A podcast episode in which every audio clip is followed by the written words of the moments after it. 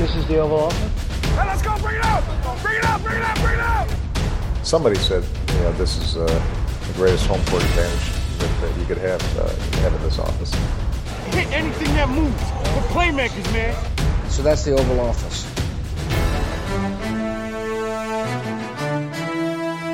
James Winston gav den som Oprah delt ud til alle og vandt. Trubisky lignede en NFL-spiller, og så er der to torsdage i den her uge, for Chiefs gav Patriots deres tredje nederlag i streg. Du ser lidt underligt på mig, Thijs. Har de ikke kun tabt to i streg? To, to i streg, men du tænker jo mig, den er Ravens kamp med stadig, eller hvad? Mm, ja, nej, det er mere fordi, at øh, jeg tæller ikke NFC East som reel, reel øh, NFL-kamp, og de har mødt øh, Eagles og Cowboys i mellemtiden. Jamen, det er så fair nok. Ja, og øh, mit navn er Anders Kaltoft, og velkommen til det ovale kontor. Øhm, ved min side har jeg, som I hørte lige før, øh, Thijs Joranger. Hej Thijs. Hej Anders. Og vi er så også heldige i dag, for som I også lidt kunne høre, så har jeg også det delikate mandsvæsen. Og måske NFL's mest eftertragtede kicker i en spe, Alexander Påske. Hej Alexander. Hej Anders, det er den mest passende beskrivelse, jeg nogensinde har hørt af mig selv. Ja, jeg har set dig sparke til en bold. Imponerende. Og, og, og, og jeg må også give dig, du er, du er altså virkelig ydmyg type, når, du, når, du, når det så lykkes. Meget, Ja. ja. meget. Ligesom Patriots, ja. Lige præcis. Øh, og inden vi går helt i gang med programmet, så skal jeg huske at sige, at vi som altid er bragt i samarbejde med Odset fra Danske Spil.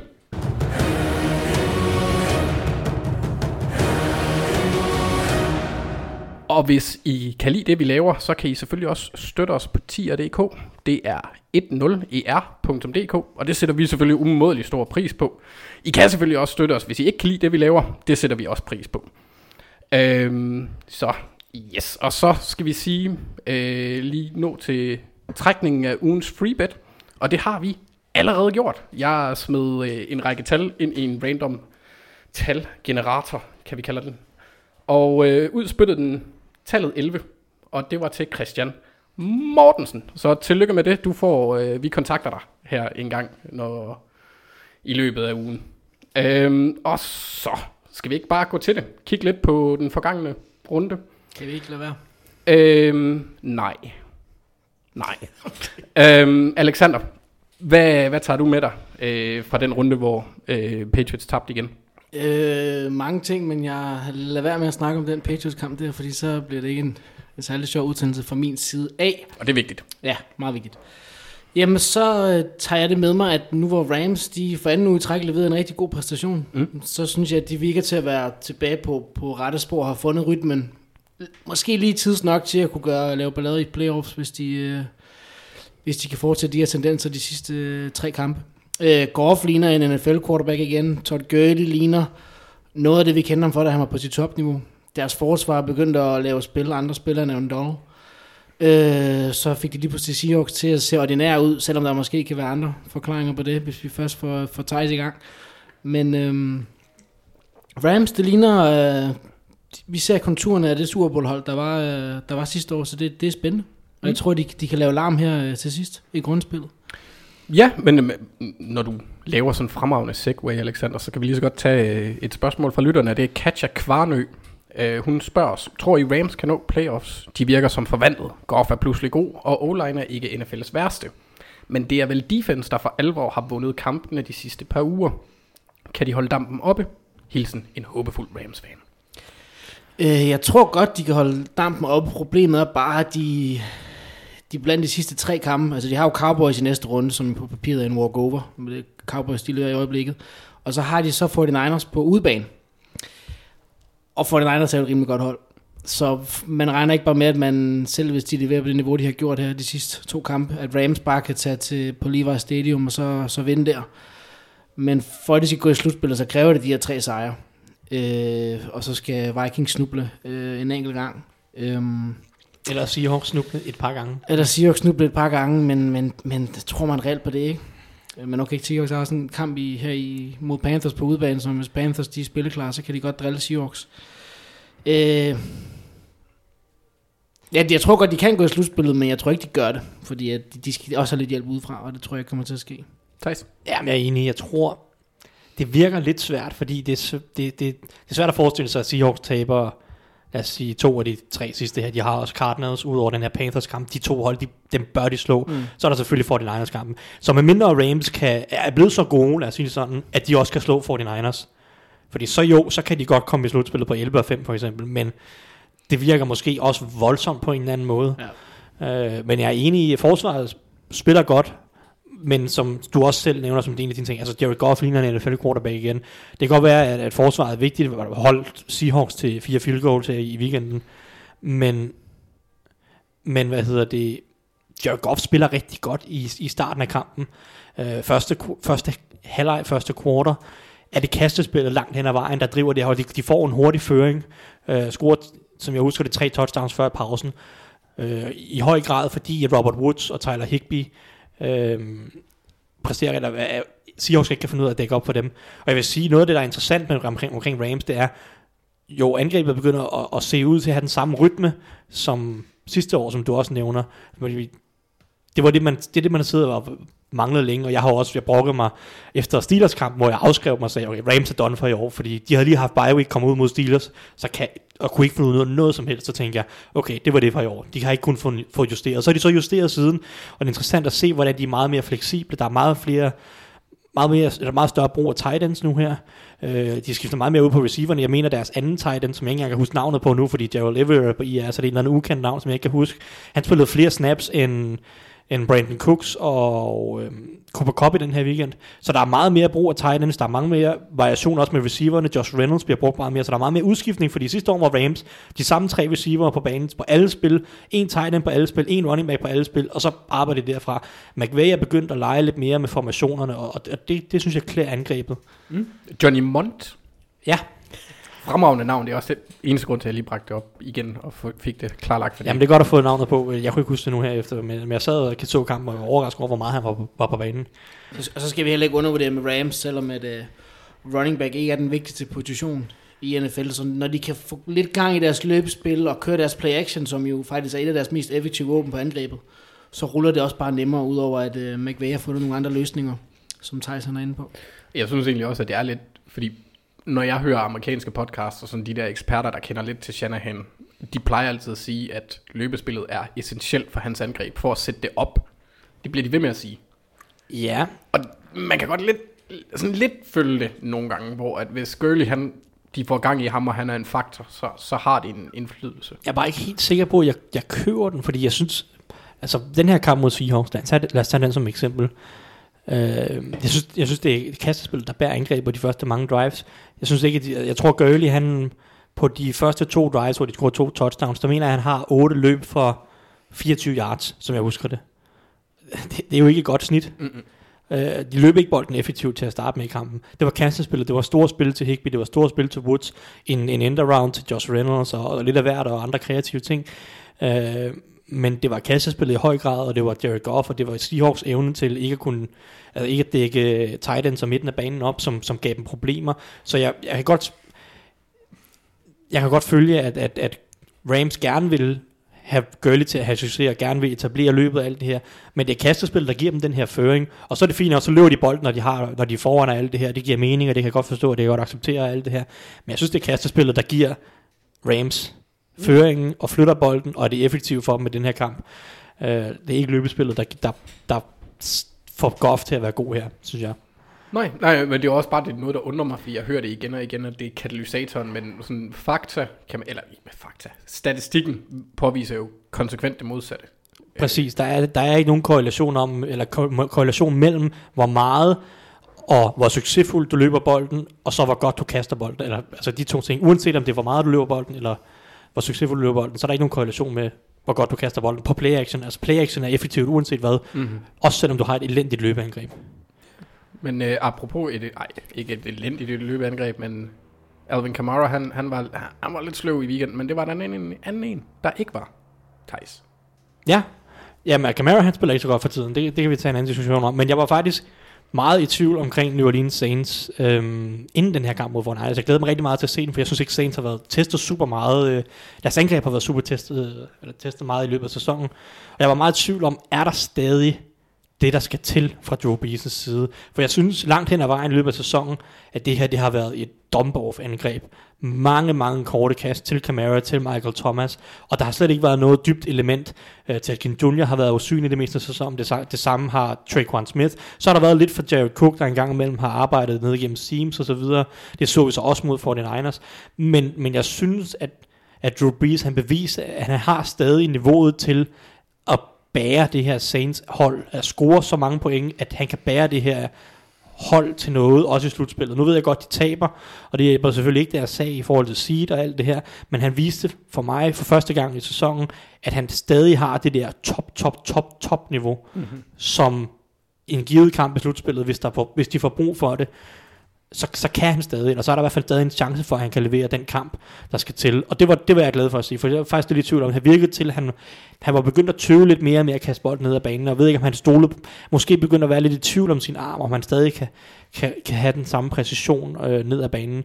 Og det, det virkede han til, at øh, han havde han stole lidt mere på den, han turde i hvert fald lidt mere. Jerry Cooks første to touchdowns, og begge nogle lækre kast ned igennem banen. Der var også en dyb en til Michael Thomas mod slutningen af kampen, og så videre. Øh, og det var, det var betryggende for mig at se, og man kan så også sige, at Jerry, Jimmy Garoppolo beviser også, at han har et eller andet niveau, som, som, som kan score mange point. Øh, man, man kan så også sige, Breeze spiller mod et væsentligt bedre forsvar, i hvert fald som udgangspunkt. Altså for den andres forsvar var ligaens bedste kasteforsvar inden den her kamp. og Breeze går ud og scorer, hvad er det, 47 point, nu kan jeg ikke engang huske den. 46. 46 point, og de tager alligevel. Så øh, det, det er så... Så kan man så sige så meget om, det, om, om Saints forsvar og så videre, men altså, det er, jeg er meget tilfreds med Drew Brees, og det giver mig en eller anden, en eller anden tro på, at Saints i hvert fald kan noget i slutspillet. Jeg er meget enig med, med Thijs, og så vil jeg også sige, at sidste år, der var Breeze jo i to tredjedel af sæsonen, øh, kandiderede han jo sammen med, med Holmes øh, til MVP-titlen, hvor han spillede mm. rigtig, rigtig godt. Og så de sidste fem kampe inden i slutspillet, der fadede han ud. Og var ikke øh, videre imponerende i slutspillet, og, og kastede også en dyrbar interception i, i overtime mod øh, Rams i, i NFC-finalen. Men at det ligesom måske går lidt den anden vej i år, hvor at, at Breeze han piker på det rigtige tidspunkt, og han, er- og han er rask, og nu har han siddet de her kampe ud tidligere i sæsonen med, med skaden her. Det kan blive rigtig godt for, for Saints, hvis de altså ikke i hver kamp tillader over 40 point til, til, til modstanderen. Nu er, Det er- her, nu er det her en, en enkelt kamp, ikke, som var, som var helt crazy, men forsvaret, de, de, de skal vise, at det her det kun var et enkelt tilfælde også. Det var i mine øjne årets, årets kamp. Ja, det var kæft, Ja, hvor videre. var den Ja, fed. det var sindssygt. Den det var der George så fed. Kittle uh, spil til sidste, det, det er også et års spil. Um, altså bare, jeg synes hele den tidlige øh, afdeling der af søndagens kamp, det var for vildt. Jeg sidder typisk og ser Red Zone, og der skete noget konstant hele tiden, og så kunne jeg have min, min egen lille Baltimore Bills kamp at det var ved en rigtig kedelig kamp, ikke? Øh, Ja, men den endte som den skulle. Ja, det gjorde den. Det er vi nogen, der... No, ja, det bliver være lang tid siden, vi har tabt. Men, Men, ej. men jeg synes, at både, jeg synes både Saints og 49ers viste niveau til, at man kan sige, at det her det er et hold, der kan Mm. gå hele vejen i NFC, men også samtidig vise nogle svagheder, som kan, Mm. eller jeg ved ikke om 49ers vise nogle svagheder, fordi man skal nok se, at forsvaret er mere sårbart mere end en kamp, men der er også, Mm. der er efterhånden så mange skader på det her forsvar, langsomt, at, at man begynder at kunne se nogle huller.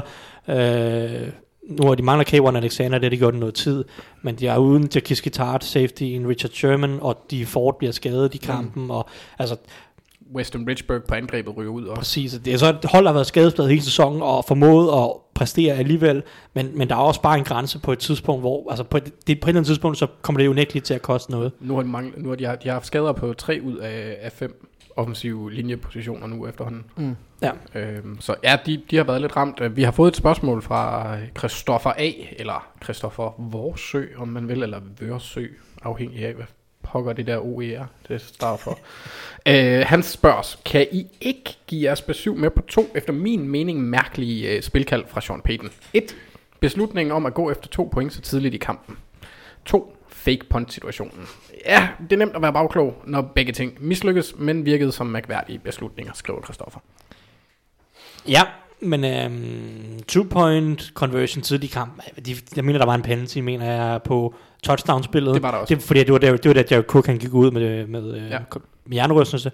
Så, så de har den på et linjen og altså, de, er jo, de er jo normalt rigtig, rigtig dygtige i short yardage situationer, for de har ofte rigtig mange finurlige spilkald, og til som Hill har de, og jeg ved ikke hvad, Michael Thomas er god i short yardage. Det har intet problem med, at man går efter 20 på, to point der, det er fint med mig.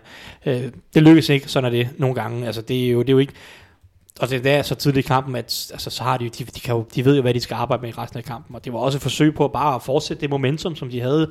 De kommer jo blæsende ud fra start, Saints uh, scorer en masse point til at starte med, får en god føring. Så det, det, synes, jeg, det synes jeg er helt fint. Ja, men, men det der fake punt, det, det, det synes jeg er åndssvagt. Og igen, som Christian han, eller Christoffer han selv skriver, så kan det være nemt at være bagklog, når det ikke lykkes, og der ikke kan være defensive pass interference på... på, på Vi er enige om, at der var pass interference på, på spillet, ikke? Der burde have været det dømt. kan kan der ikke være holding, på, det kan der det ikke kan være på fake punts. Nej, Er det rigtigt? ja, Ja. du kan kalde holding, fordi han holder ham jo reelt. Mm. Også kan man jo argumentere for, ikke? Men, men, men okay. DPI kan du ikke kalde på... Okay, på fair nok. Nå, men øh, det, Det er, Det- det, det det er inden for reglerne. har jeg ikke engang hørt. Nå, men det... Øh, uanset hvad. Ja, men det, det er bare nok lige lovligt aggressivt. Jeg mener, det er 4, 4 down og 18, ikke? Åh, oh, det er det ikke. Altså, den er... Når man skal kaste Men en det er selvfølgelig, altså det er på siden- 49ers banehalvdel og alt det her, men, men mm. måske lidt aggressivt. Også på et tidspunkt, de, de er foran her, som jeg husker det, ikke? Mm. Øh, I hvert fald med en lille smule, og så Nej, det er i første halvleg, ikke? Ej, det er anden halvleg. Det er til- tredje kvartal, som jeg husker det. Jeg mener, at 49ers, de går ned og scorer touchdown bagefter, og så kommer de bagud. Men jeg tror, jeg tror Saints fører sådan noget 35, 33 det, på det, det, det gør det endnu tidspunkt. mere åndssvagt, øh, synes jeg, i mine øjne. At Ja. det, er, det er... Det var det måske ikke den bedste beslutning, men altså nogle gange, så må man også, det må man bare tage chance. Det kan være, at de har set et eller andet, at, at typisk så ham øh, jammeren der, øh, mm. nu kan jeg ikke engang huske, det, jo, det var øh, øh, Tavarius Moore, øh, mener jeg. Nogle, det kan være, at de har set på tape, at han typisk øh, efterlader ydersiden helt Mm. åben, men det gør han så bare ikke på det spil, og nogle gange er man så bare så uheldig, ikke, kan man sige. Så. De havde 4 down og 18 på San Franciscos 45 i tredje kvartal. Ja. Yes. Så, så altså, men jeg vil sige, i forhold til, til at gå efter, den, øh, gå efter to, det ser man ofte, når de får en penalty. Det, gør, det har Ravens mm. også gjort, og der har John Harbaugh, han har været direkte ude og sige, men vi fik en straf, så det er derfor. Men der har du også en analyseafdeling, der jo siger, at øh, hvis Ja. ja. du har et forsøg for et linjen så er der jo større sandsynlighed for, at du får de to point end ej, ikke? Og så, Jeg tror typisk, men, altså hvis man siger, at de gode hold føler i hvert fald, at de kan komme til at 60% af de der et, eller et med et yard to go situationer. Øh, og så, så er det jo generelt, hvis, hvis det holder, så er det jo reelt set noget, man burde gøre meget mere, men øh, det er sådan en anden ting. Yes. Jamen, øh, nok om det. Videre til lidt nyhedsrunde. Øh, da jeg lavede det her nyhedsprogram i går, der var der noget, der ikke var sket endnu, så der var en masse skader. Jeg har inkluderet, dem tager vi lige nogen af. Adam Vinatieri, han er ude for sæsonen, og en, måske er en, en gloværdig karriere slut. Det synes jeg lige er værd at nævne. Det er ikke et tag for dem i forhold til den her sæson. Nej, men heller ikke en sejr for dem, uanset hvad. De kan ikke nå en put. øhm, Cowboys, de har også taget øh, konsekvensen af Brad, Brad Maher, der virkelig har været dårlig, og det har jeg også selv personligt kunne mærke, blandt andet mod dig i Fantasy, øh, hvor at, øh, jeg Ja, han startede kan ham. da næsten minuspoint, ja. Ja, mens du var på stadion. øh, så det var jo fedt. Og de har så hentet Kai Forbath. Der Hvilket jo så heller ikke giver nogen mening, fordi han kan sparke bolden 40 yards, så han brænder ekstra point. er nogen, der lyder som bitter Patriots-fan. Ja, det er jeg også. Ja, han har også spillet, øh, største del af hans, sådan, den karriere, han har haft et sted, var i, hos rivalerne Redskins. Men det mest interessante, der er sket i den her uge, det er, at Patriots, de endnu en gang er blevet taget, skal vi sige, uaksomt, eller med hånden uaksomt i kagedåsen.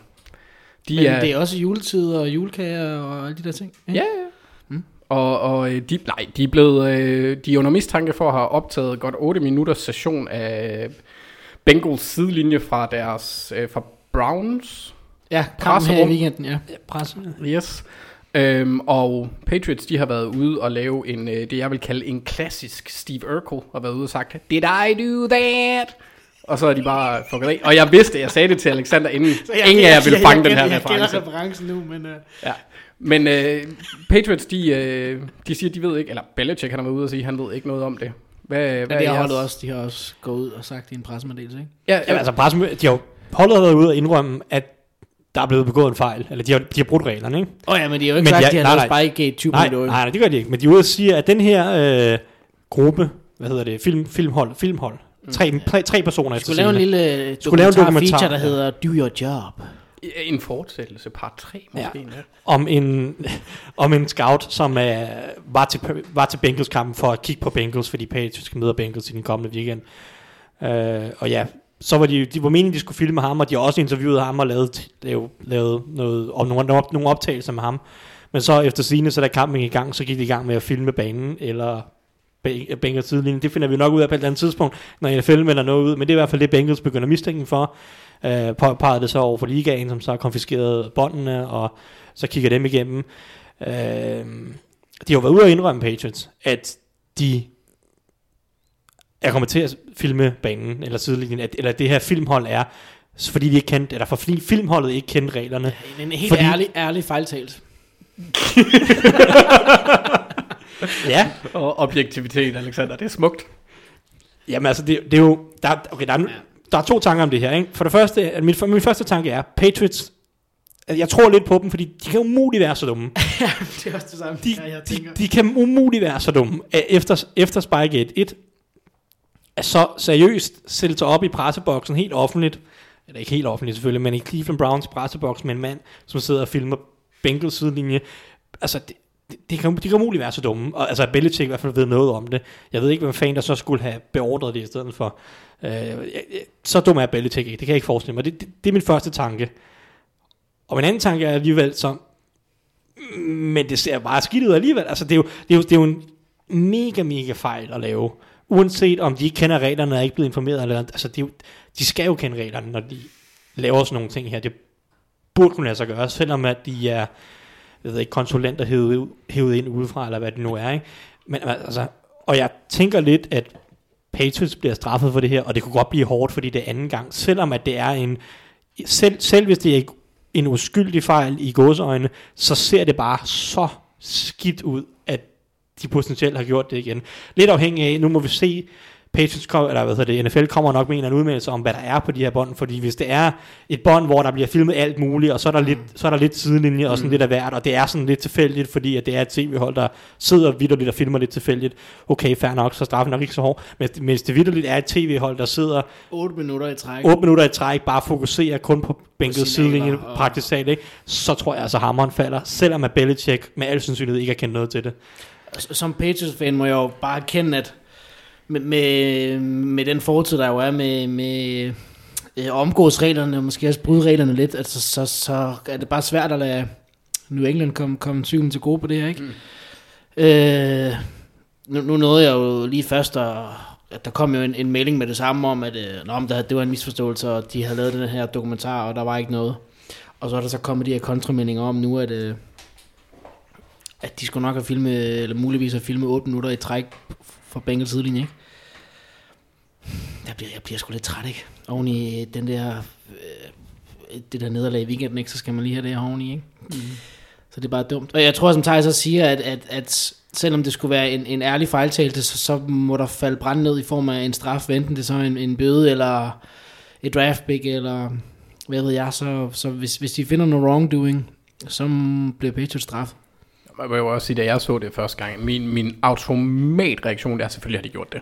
Fordi de har, der har været, siden Spygate i 2007, du nævnte det selv, inden vi gik på, der var der øh, mistanke om, at de gjorde det op til Super Bowl også, og øh, filmede en walkthrough.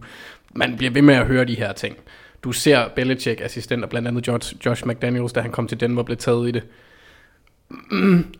Den, den, da du sagde... Dante Skarnecchias øh, søn, Ja, Steve. Steve Skarnecchia, eller hvad, han blev jo fyret fra Broncos, fordi at han Yes. øh, havde lavet noget, noget ulovlig filming, ikke? Og det er også lidt derfor, at tanken om, at Bill Belichick, han ikke ved noget om det her, i en organisation, hvor han styrer alt, har jeg svært ved at tro på.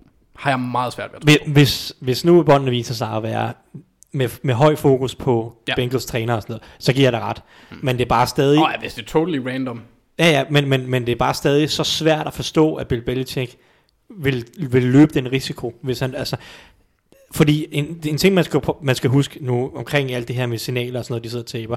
Der er nogle hold, som brug, stadig bruger håndsignaler på sidelinjen til at mest af alt øh, vise, øh, eller lave forskellige checks og sådan noget, øh, nogle, nogle små justeringer på forsvaret. Men langt de fleste forsvarskald og kommunikation går igennem radioen på nogle tidspunkt. Og der var ikke radio dengang, at Spike, eller dengang Patriots gjorde det første gang. Der var ikke nogen radiohjelmene på forsvarsspillerne. Det, det blev først indført bagefter. Altså, der har været radiohjelmene på quarterback siden 94, tror jeg det er. Men forsvarsspillerne kommer først i 2008 efter Spygate. Det betyder så også, at på nuværende tidspunkt, der er mange hold, der slet ikke bruger håndsignaler mere, men der er nogle hold, som, som stadig bruger det til forskellige ting, og justeringer og coaches, position coaches, der sidder lige og kommunikerer et eller andet til en safety eller noget. Ikke? Så De har helt sikkert bare været mundaflæsningseksperter, de der Patriots folk der. Ja. Ikke? Ja, men det, det er selvfølgelig, det, det kan man godt, men ja, det kan man selvfølgelig godt prøve at lege mundaflæs, men det kan man også, man kan også godt sidde på stadion, man må gerne, det sjove er, du må ikke filme det, men du må gerne sidde på stadion Og kigge, og kigge efter de her signaler og sådan noget, altså have scouts, der gør det, men du må bare ikke filme det med, med tv og zoom og hvad ved jeg. Og Det synes sådan jeg også er fair nok. Ja, ja, det, det synes jeg også er fair nok. Uh, men, men, men det er bare, det er interessant. Jeg ved ikke, hvor meget der virkelig er at hente, og det er også derfor, jeg tænker, at, at er Belichick virkelig villig til at løbe den risiko, fordi mm. hvor meget kan du overhovedet vinde på at gøre det her ja. i nutidens NFL, hvor der er radio i hjelmen og alt det her. Pl- Plus det er Bengals. Men, men hvis de har gjort det mod Bengals, så har de også gjort det mod andre hold. Helt det, sikkert. Det er helt sikkert, fordi ja. man, gør det, man, man gør det ikke bare lige pludselig mod Cincinnati Bengals uden ingenting midt i sæsonen. Det er da en vild øh, påstand at, at, at komme med. Jamen, det er jo ikke noget, du finder på i uge 13 af sæsonen Mod Bengals. mod et 1 og 12 hold lige pludselig. Altså, det, hvis, hvis du har finder på at gøre det mod Bengals, så har de også fundet på det i andre kampe. Det er ikke så, at de gør det i alle kampene, men i nogle kampe har det, ved, nogle andre kampe, jeg ved, at de også har gjort det, hvis Jeg de ved, har gjort det mod Bengals. Altså, efter øh, Spygate, øh, der havde Goodell jo øh, angiveligt øh, udtalt øh, på et møde, at, at han mistænkte Bill Belichick for at have kørt den her praksis, lige siden han blev Patriots-træner i 0-0, ikke? Så øh, Ja, ja, men det virker som om, det er rimelig fast så at de havde et kæmpe stort uh, bibliotek med, jeg ved ikke, hvor mange forskellige... Jeg Uh, er rimelig sikker på, at det er noget, han har gjort længere tid end det. Det er ikke noget, han lige har fundet på. nej, og jeg har også hørt flere sige, at der, der er også masser af andre, der har gjort det. Ja, ja. Det var bare Patriots, der blev fanget i det sidste ende. Uh, men, men, men ja, det, i forhold til den nuværende sag, nu må vi se, hvordan det ender med. NFL kommer. Det, det er rimeligt, det bliver for min... Det kan umuligt være nogen svær sag. Altså, det kan ikke være Deflategate. Deflategate var en svær sag. Der var, det var meget uhåndgribeligt og, det og var en, mærkeligt, og øh, beviser blev destrueret, og hvad ved jeg. straf, det der. Ja, det, vi kan ikke snakke Deflategate, men det her, det må være en meget håndgribelig sag, ikke? Fordi de, de er blevet fanget, hvis de er blevet fanget, så er de blevet fanget fuldstændig, som Anders siger, med, med hånden i kagedåsen. Yes. Og de har båndene, og de kan formentlig ret hurtigt aflæse båndene, og så, så det kan ikke være en svær sag for NFL, og hvis det er, at Patriots har gjort det her, så som sagt, så er det, så er det second offender, ikke? Second time offender. S- Altså, jeg er ikke engang, altså, jeg kunne godt se... Egentlig kun- kun second time, ikke third time. Nej, men øh, kun anden gang. Men, men jeg, kunne- jeg kunne godt se karantæner ryge på det. Jeg kunne godt se Belichick få karantæner for det her. Hvis, hvis det virkelig er helt tydeligt mm. spionage igen, så kunne jeg godt se ham få en karantæne. Og Fordi det, det er anden ikke er gang nu. det, så kræver jeg en kæmpe undskyldning for alle, der tvivler på Patriots øh, rene intentioner. Nej, fordi hvis det ikke er det, så er det bare et regelbrud, et uskyldigt regelbrud, og det fortjener de også en straf for, men så bliver det formentlig kun holdet, der får en bøde, og ikke Belichick, og ikke øh, draft pick, og ikke sådan noget. Men så er det stadig et regelbrud, altså Altså, han, han, han maksimerede bøde øh, mulighederne der under ja, Spygate 500.000 dollars fik han sidste gang, og holdet fik 250.000 dollars, så som du siger, første rundevalg i 2008-draften. Ja. Altså, hvis, hvis det er en uskyldig fejl, så får holdet en bøde igen, det er jeg helt sikker på, og, og så bliver det nok kun ved det, og så er det også fair nok, så er der heller ikke nogen, nogen grund til at blæse det mere op end det. Men hvis det er med fuld overlæg og alt muligt, så, så tror jeg, at Belichick, så tror jeg også, at han er karantænefar, hvis jeg skal være helt ærlig. Alexander, du sagde, du ikke havde det særlig godt efter den her uges nederlag. Hvordan havde du det den 4. november? Den hvad? 4. november? Mandag den 4. november? Jeg tror, jeg tror lige, at uh, Ravens havde slået Patriots på det tidspunkt. Nå, men der havde jeg jo været i, øh, 37-20, hvis du... i, i, i, London og var på vej øh, til Holland, så det, er det, det, det Så du lå og græd i flyveren, det er det, du siger? Noget. Okay. Nå, Øh, der var også dommerfejl i den kamp, og, og, og vi bliver nødt til at snakke om de der dommerfejl i, i weekenden. Ja, Øh, skal, vi ja, så, det- skal vi så også vi snakke om dollar, dommerfejlen, der kostede Cowboys to uger siden, eller hvad skal vi... Hvordan? Ah, hold op, der var kæmpe tripping. Det, det, det var, var jeg enig med. Alle Cowboys-fans omkring mig var helt enige, da jeg var inde og se Cowboys mod Bills på Thanksgiving. De, synes, de råbte også tripping hele tiden. Ja. Nej, jeg, jeg, det, Ja. det, det, øh, altså, Jeg så lige en uh, meddelelse om, at uh, NFL efter sigende skulle være klar til at lave en grundig Mm. gennemgang af, af hele dommerprocessen ja. uh, her i offseason. Det er selvfølgelig det er selvfølgelig let at sige. Må se, om der sker noget, om de gør noget ved det, men det virker nok som en god idé. Jeg håber bare snart, at vi får Feet Got Tangled med ind igen. Det er lang tid siden, jeg har hørt det. Og det synes jeg godt kunne blive kaldt her i weekenden. Men øh, vi skal jo så også øh, gøre det, som vi, inden vi lige kigger på næste uges øh, matchup, så skal vi lige se, hvem der ikke er noget som helst værd længere i år. Hvem der er matematisk elimineret fra playoffs. Og det er Buccaneers, Jets, Redskins, Jaguars, Chargers og Panthers.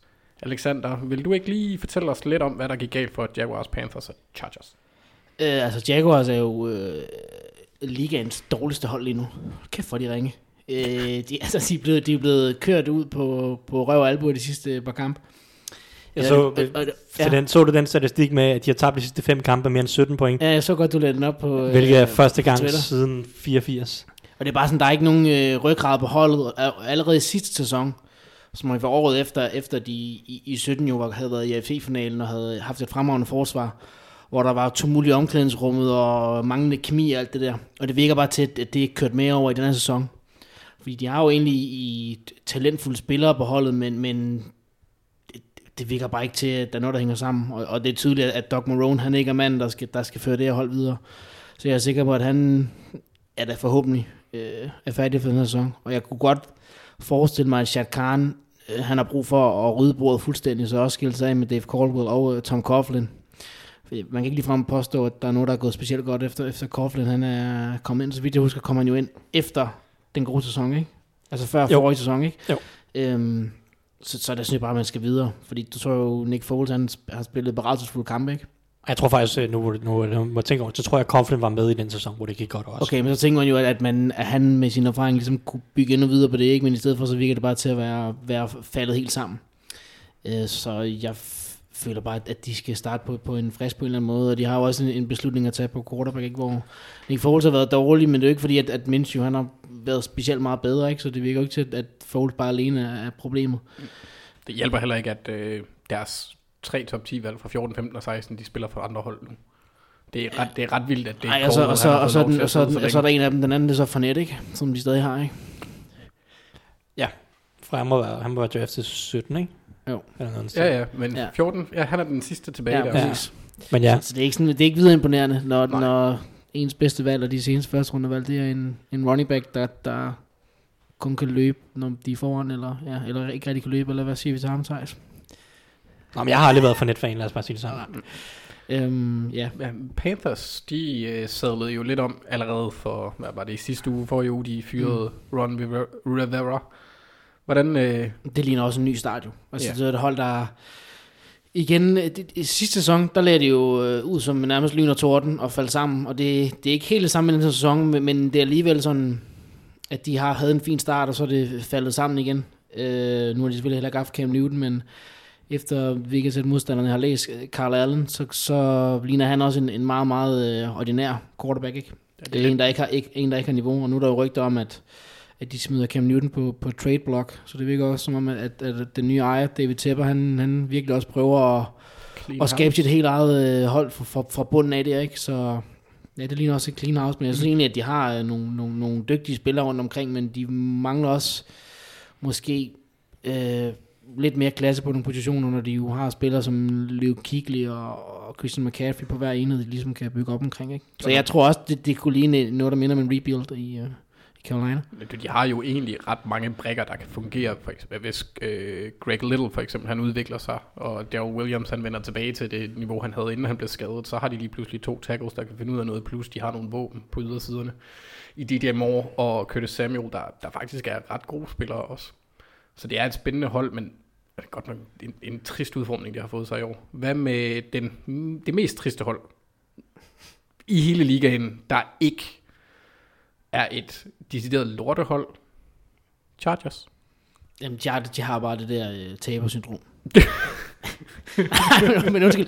Men det, her, men det har de jo bare bragt videre, fordi, som du selv siger, det er jo det, er jo det bedste af de dårlige hold, eller på en eller anden måde det bedste af de hold, der nu ikke øh, har en chance for at komme i slutspillet mere, fordi du ser jo, når de rammer øh, noget, der minder om, om, om det, de kan mod Jaguars, undskyld, Jaguars er selvfølgelig også et rigtig dårligt hold, men, men så tryner de dem jo fuldstændig. Packers. Tag, tag Packers-kampen. Ja, øh, Packers kørte de over for, for, for en måned siden, ikke? og man tænker, okay, nu kan det sgu være, at de kommer med det her search øh, og, og playoff run Chargers, men, men det sker bare ikke.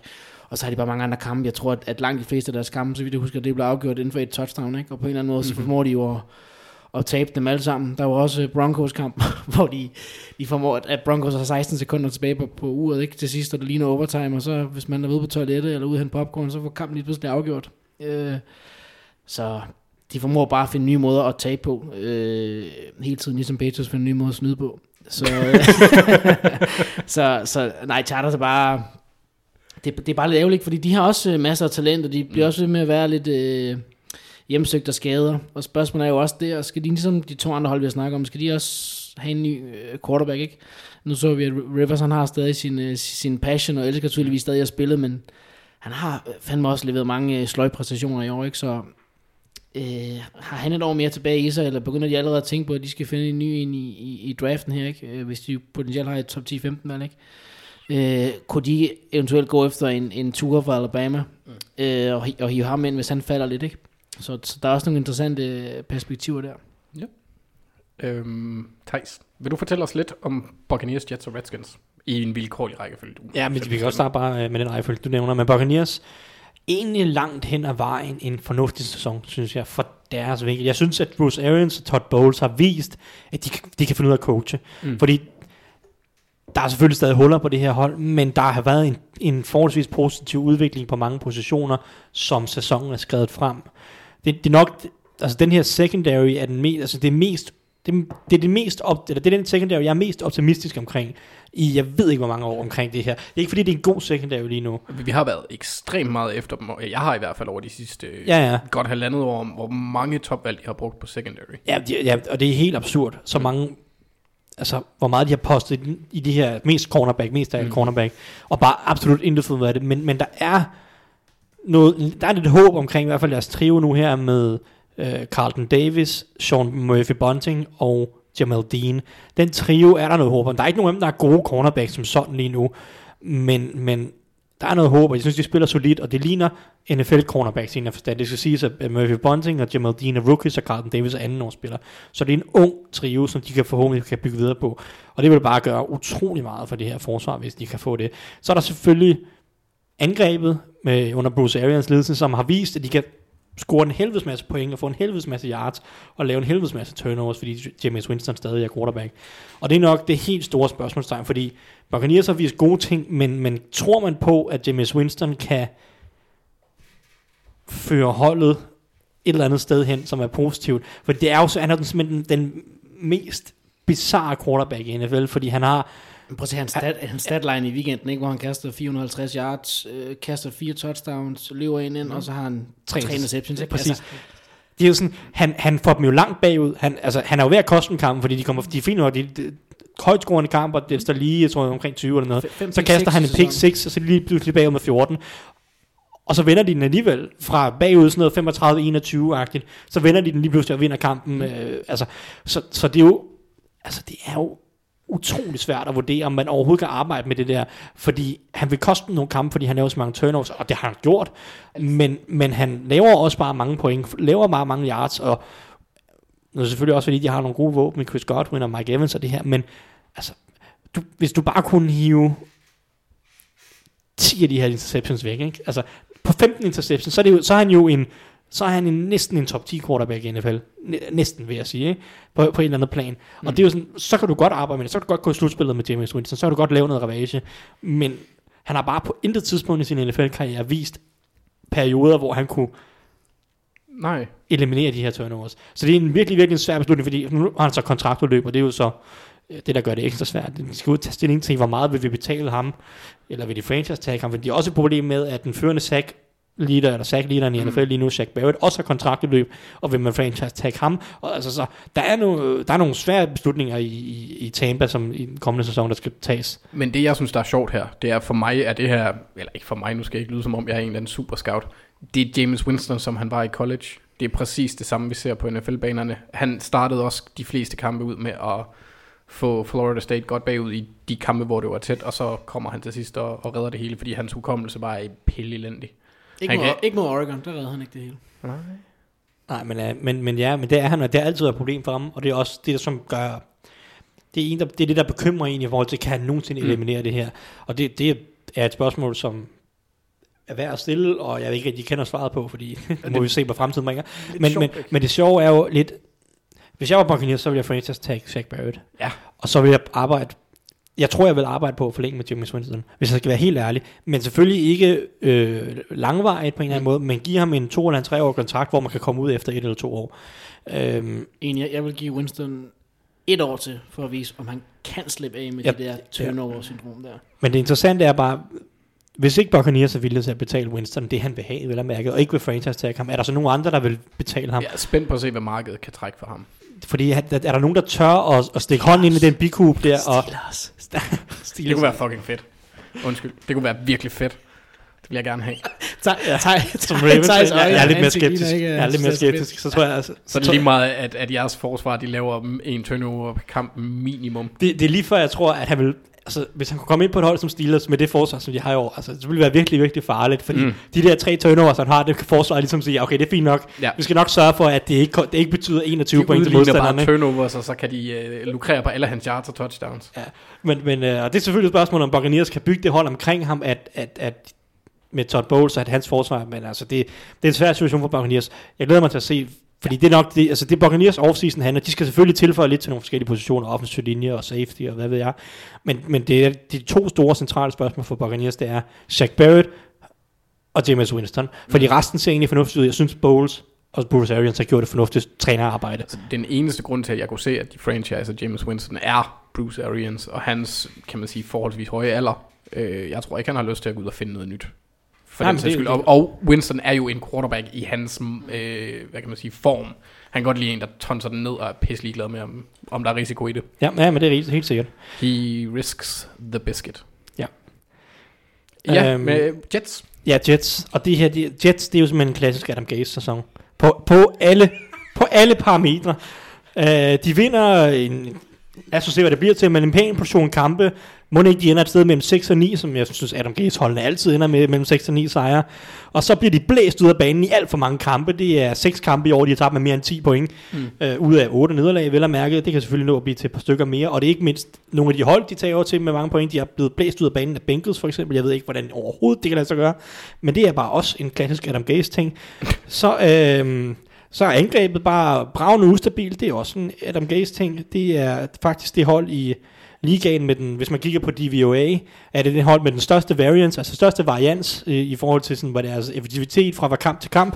Det er selvfølgelig også, de har haft en backup quarterback inden, og jeg ved, hvad ved jeg, det øh, hjælper selvfølgelig ikke på det, men det er også Adam, Adam, klassisk Adam Gase, og det er bare en rutsjebanetur. Så, øhm, så er der den offensive linje på angrebet, som er katastrofal og virkelig har brug for hjælp. Det er også en kla- klassisk Mm. Adam Gase ting. Så det er bare sådan, det er bare Adam Gase gange 9000 det her. Samtidig med, at Ryan Tannehill spiller som ligaens absolut bedste QB lige nu. Ja. Det er en tidligere Ryan Gase, som han slet ikke kunne få til Ja, at og, det er sjovt, ham. fordi det er også sjovt, at, at det er sjovt, at fordi det er en, af tingene, som er problemet også ved Adam Gase, synes jeg, det er, at han, er, han virker så forhippet på sit system, som er det her Peyton Manning system. 3-5 steps drops, og så bare af med bolden lynhurtigt. James, Og det er bare ikke Jameson Crowder, ikke? Ja, men jamen, Jameson Crowder, slot receiver, altså, det, der er bare ikke ret mange quarterbacks i ligaen, der kan køre det system, fordi det kræver bare utrolig høj spilintelligens. Du skal hele tiden vide, hvor du skal hen med bolden. Ikke? Altså, du skal hele tiden tage en beslutning på 3 sekunder, eller skal på 3 sekunder, på nærmest på 2 sekunder som quarterback, og der er bare ikke ret mange quarterbacks, der kan læse banen på det niveau, som Adam Gase system lidt kræver.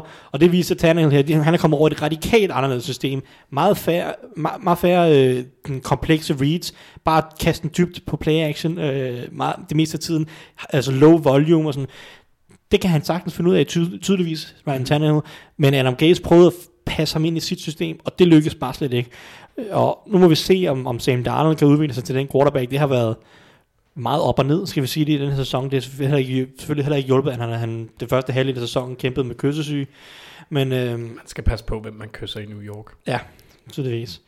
Øhm, men altså, så det er, det er meget klassisk Adam Gase sæson, og man kan sige, det største problem, eller det største det største bekymring omkring Jets er nok en anden meget klassisk Adam Gase ting, det er kulturen på holdet. Mm. Øhm, der er en, jeg synes, der er en mystisk stemning omkring det her hold. Der er øh, Kelechi Osemele-skandalen, og så var der øh, Inunua, der var ude og brokse over noget, også noget lignende omkring, altså med, at han fik en bøde, fordi han øh, ikke kom til en genoptræningsaftale, fordi han var ude med sin kæreste gennem mange år, som har var hjemme fra militæret, eller et eller andet, hvad ved jeg, den stil. Sådan, sådan en ting, som man normalt ser gennem fingre med, tænker jeg. Øh, det her med, at når de er i modgang, altså nogle af de udtalelser, der var, da de startede så dårligt på Og sæsonen, Greg? Williams som uh, Jamal Ja, ja, Adams. det, Greg Williams sagde sin ting, altså, ja, det, det, og Jamal, Jamal Adams ja, der har også noget der, ikke? Øh, men altså, de efter, de, da de var 0-3, altså de udtalelser, der var, da holdet var 0-3, det var bare sådan, we are in a world of suck, og det var bare sådan, alle var bare, ja, men øh, det hele det stinker, og vi er, det, alt er imod os, og ja, Gaze var ude og sige, det er også umuligt, fordi vi mangler vores quarterback, og hvad ved jeg. De var 0-3, man, du sidder ikke og piver, når du er 0-3 på den måde. Kom nu bare og, og coach lidt, ikke? Altså, der er andre hold, der var 0-3, som bare, øh, ligesom, øh, tog, øh, tog arbejdshandskerne på, og så må man ligesom prøve at arbejde sig ud af det, i stedet for at sidde, at spillerne sidder og brokker sig, han sidder og brokker sig, han nægter ligesom at tage ansvar. Så er der alle de her medielæg, der kommer, hvor at, så vil han ikke have at øh, uh, Le'Veon Bell, og så prøver de at trade Le'Veon Bell, så prøver de at trade Jamal Adams, så prøver de at trade Marcus May, så prøver, altså, alle de her ting, som, altså, og det er ikke nødvendigvis kun Adam Gaze, men det kan også være nogle af assistenttrænerne, eller nogle af dem i ledelsen omkring, øh, omkring general manager. handler øh, det også lidt om, hvordan i forhold til det med trade og de andre spillere, der kan det jo også bare være folk, der ringer, hører, altså Cowboys, der ringer til Jets og hører, er Jamal Adams, hvad skal I have for ham? Ja, ja, men, men, men, men når der er i løbet af trade deadline dagen, rygter om fem forskellige Jets-spillere eller noget stil, som kunne blive traded. Nu endte Leonard Ja, ja. Williams jo også med at blive traded. Så er der jo ligesom kun én fællesnævner på de ting, og det er, at det er Jets-holdet, det må komme fra. Når det, Mm. alle rygterne bare fiser ud af organisationen, så er der bare, der, der er en eller anden dysfunktionalitet mellem Adam Gaze og ledelsen, eller Adam Gaze og nogle andre trænere, eller hvad ved jeg. Mm. Og det er selvfølgelig også klart, at, at Adam Gaze og GM har ikke været på samme hold hele vejen, og de skal prøve at finde hinanden. Men, men det er bare sådan, der, der er en mærkelig stemning omkring det hold. Og det, og det er, den, det er den første ting, jeg gerne vil se fra dem i den her offseason, det er, at jeg vil gerne se en klar retning mm-hmm. fra Joe Douglas og Adam Gaze, fordi jeg tror, Adam Gaze får og en Johnson sæson og mere. Johnson. Ja, øh, ja, ja. Men det kan man ikke sige, de gjorde i år. Nej, nej, ejer, ejer, ejerskabet har helt sikkert også noget, skulle jeg, sige, skulle jeg sagt der. Men jeg vil bare gerne se i offseason, der er en, en klar retning på, hvor de gerne vil hen med deres hold. Den offensive linje skal fokuseres, pass skal fokuseres. Ikke alle mulige mærkelige rygter med, at man gerne vil eller vil gerne vil trade Le'Veon Bell eller Jamal Adams og sådan noget. Jo, hvis du gerne vil trade Le'Veon Bell og sådan noget, ja, så, så gør det. Mm. Men det skal ikke være to måneders øh, småmudderkasten og mis, altså sådan mærkelige rygter og alt muligt. Prøv nu at holde en nogenlunde tæt organisation, og så få en eller anden retning på holdet. Det er det, jeg gerne vil se i offseason for Jets. Ja. Fordi der er sådan en mærkelig kulturstemning omkring det allerede, og vi er en sæson inde i Adam Gaze. Jeg synes sådan bare, at den første måned af, af årets NFL-sæson tegner hele Jets-sæson. Det der rod, der var omkring Mike McCagnon og hyring af Adam Gase og det efterfølgende fyring. Og, altså det er lidt ligesom at sætte, øh, sætte en, en veganer til at lave andesteg. Altså det giver jo ingen mening.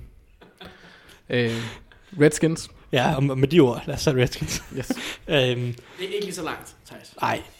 Øh, Redskins virker til at have været overrasket over, hvor dårlige de har været. og, og det er jo svært at forstå. Hugh Jackson-syndromet. Ja, altså, vi, det er jo, jeg synes ikke, det var svært at se, at Redskins ville have en svær, gå en svær sæson i møde. Uh, vi sad hele offseason og råbte og skreg på, gå nu i rebuild. Lad nu være med at pumpe en masse penge i. Lad nu være med at trade op i draften, og jeg ved ikke hvad.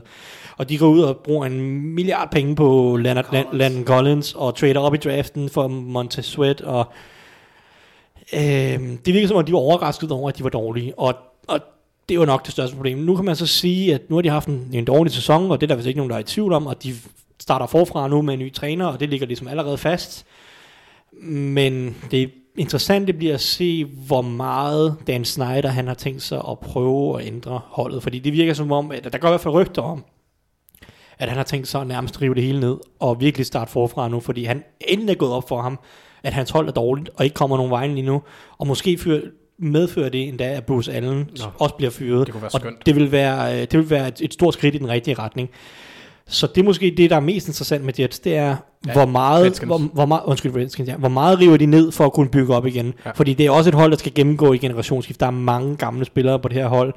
Vi har øh, Josh Norman, han skal ud. Yep. Jordan Reed, det vist også ved at være tid til, at han skal finde noget nyt. Han har bare mange skader. Uh, Trent Williams, han, han ved vi skal ud, fordi han at spille for holdet mere. Vernon Davis, det er også ved at være tid, ikke? Adrian Peterson, tak for to år. Jeg tror også, vi skal videre igen, ikke? Man kan måske endda snakke om Ryan Carrigan også, hvis man kan få nogle draftvalg fra ham. Øh, det er tid til at starte forfra på det her hold, bygge en helt ny ung stamme, og der skal nogle draftvalg til, øh, og det kan man formentlig få i trades af Trent Williams, Ryan Carrigan og de andre bliver man nok nødt til at cut. Og det er øjensynligt også den eneste mulighed, de har for at få en, et, et topnavn ind for at træne dem, det er, at de afgiver en pokkers masse magt til pågældende. Ja, fordi det er sådan et andet problem, det er, hvem vil ind og træne det her hold, fordi Dan, Dan Snyder, han har ikke noget godt ry, mm. det har han ikke. Og det er en organisation, der står et, et sted, hvor de skal til at rive ned, og det er aldrig sjovt, som Brian Flores i Miami, det er aldrig sjovt at gå ind et sted, hvor man ved, at man bliver nødt til at rive det hele ned for at bygge noget nyt op. Det er meget sjovere at gå ind et sted, som, hvor man ligesom kan tage dem i opløbet, og så føre dem videre og, og, og tage dem op derfra. Og, og Redskins, jo, de har en ung quarterback, som man kan gå ind og arbejde med, Dwayne Haskins, og det er jo så nok det, der skal være det store salgspunkt, hvis der er en træner derude, der tror på Dwayne Haskins og siger, ham kan vi, ham kan vi udvikle. Og jeg synes også, han har vist nok til, at det er selvfølgelig ikke så mange kampe, men jeg synes, der er nogle ting, han har vist i de her kampe, hvor man tænker, okay, der er i hvert fald lidt at arbejde med. Uh, og det er nok det, der skal være salgsargumentet der. Gå ind, Dwayne Haskins, lad, lad os arbejde med ham. Terry McLaurin, der er stadig en fin offensiv linje. Uh, franchise tag Brandon Scherf og få forlænget med ham. Jeg ved ikke, hvorfor det ikke er sket endnu, det er en skandale, men det er en anden ting. Uh, Bruce Allen. men så gå ind og arbejde med det, og så må man, så må man prøve at sælge ud af nogle af de ting, få nogle draftvalg, og så ligesom bare få bygget truppen langsomt op. Det, det, det du kan gå ind næsten og starte fra nul her. Jeg tror ikke, de bliver lige så dårlige som Dolphins var sidste år og sådan noget, men, men det er et sted, hvor der skal rives ned for at bygges op nu. Så ja, men øh, så går vi fra et, en ting, der sutter, til to ting, der sutter. Alexander, dit første matchup i næste uge, det er øh, to rimelig dårlige enheder, der møder hinanden. Det var en dejlig, elegant øh, overgang. Ja. Men ja, øh, det første matchup, som jeg kigger på, er nemlig ikke øh, videre øh, sexet. Øh, Patriots øh, Kan det, løbeangreb. blive, det kan det blive. Det er ikke sexet på papiret. Er det rigtigt? Det kan altså blive rigtigt. Det kan blive rigtig sexet. Nej, det kan det faktisk ikke. Okay. Men det er interessant, for det er Patriots løbeangreb mod Bengals øh, løbforsvar, der er det ringeste løbforsvar i, i ligaen. Øh, men, men jeg synes jo, det er interessant, fordi jeg tror, den her kamp for Patriots, den er sådan, øh, den er sådan sneaky tough. Øh, fordi de skal på udebane mod et hold, der er, hvad, 1 og 12. Og så tænker man, Nå, det, det er en god måde for Patriots lige at komme lidt ovenpå mm. igen, efter et par nederlag i træk, og angrebet kan komme i gang igen. Men hvis der er et, et, løbeangreb, som på papiret måske ikke lige kan trumle over det dårligste løbeforsvar i ligaen, så er det Patriots øh, løbeangreb. Øh, at man har brugt et første rundvalg på Sol Michel, øh, Belichick skal bare holde sig for de der skill position players i, i, i første og anden runde. Det, det, det går sgu ikke så godt.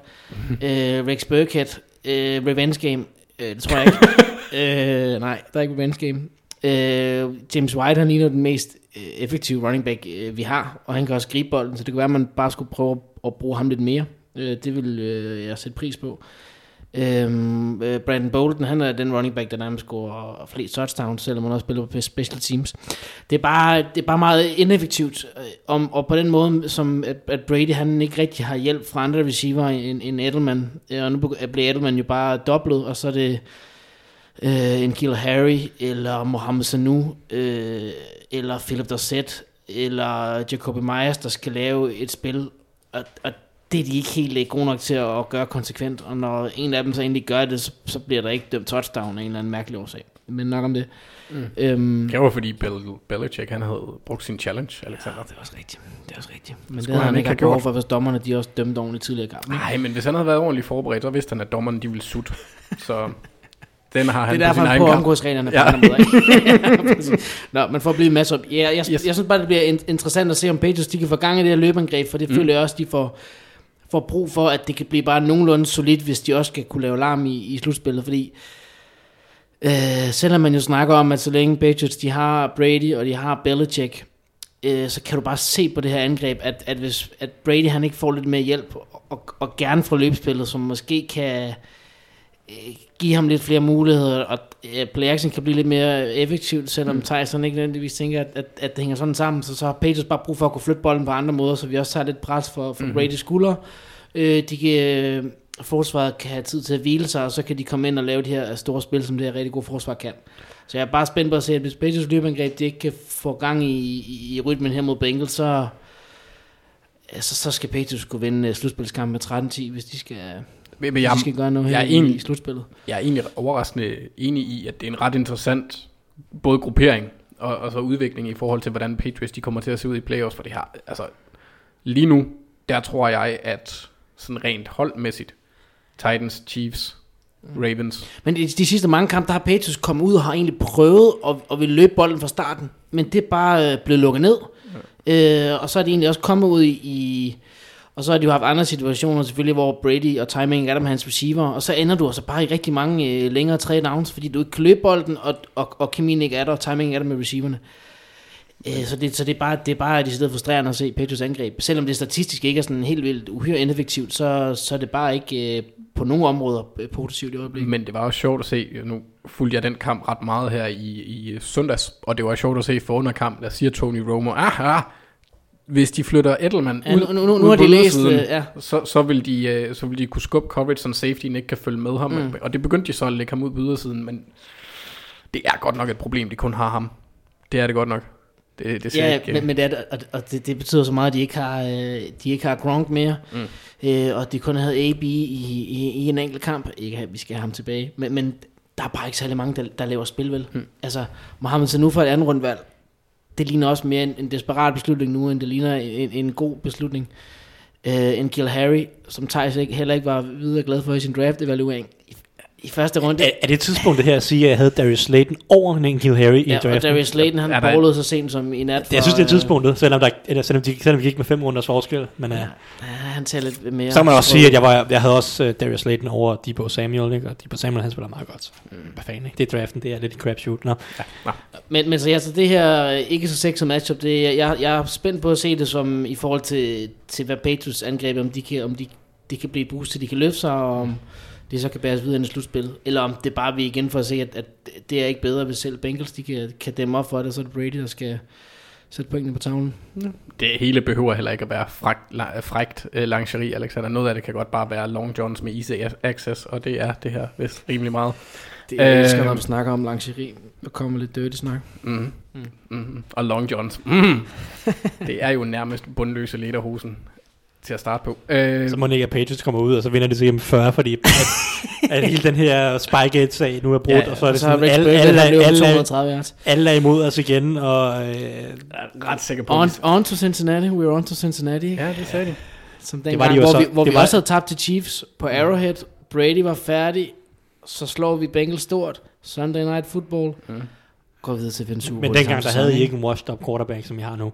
Nå, Ja, ja uh, by, har I set det tweet, hvor de lige har tilføjet on Jamen, jeg, kan, jeg, filming jeg, jeg, jeg, Cincinnati? jeg, jeg, jeg, kan ikke håndtere, at han, at han lige øh, Nå, men Theis- lavede den der. Mm, så lad os snakke om andre quarterbacks, der er over the hill. Dit første ja, matchup. Præcis, fordi at uh, mit første matchup, det handler uh, om Aaron Rodgers.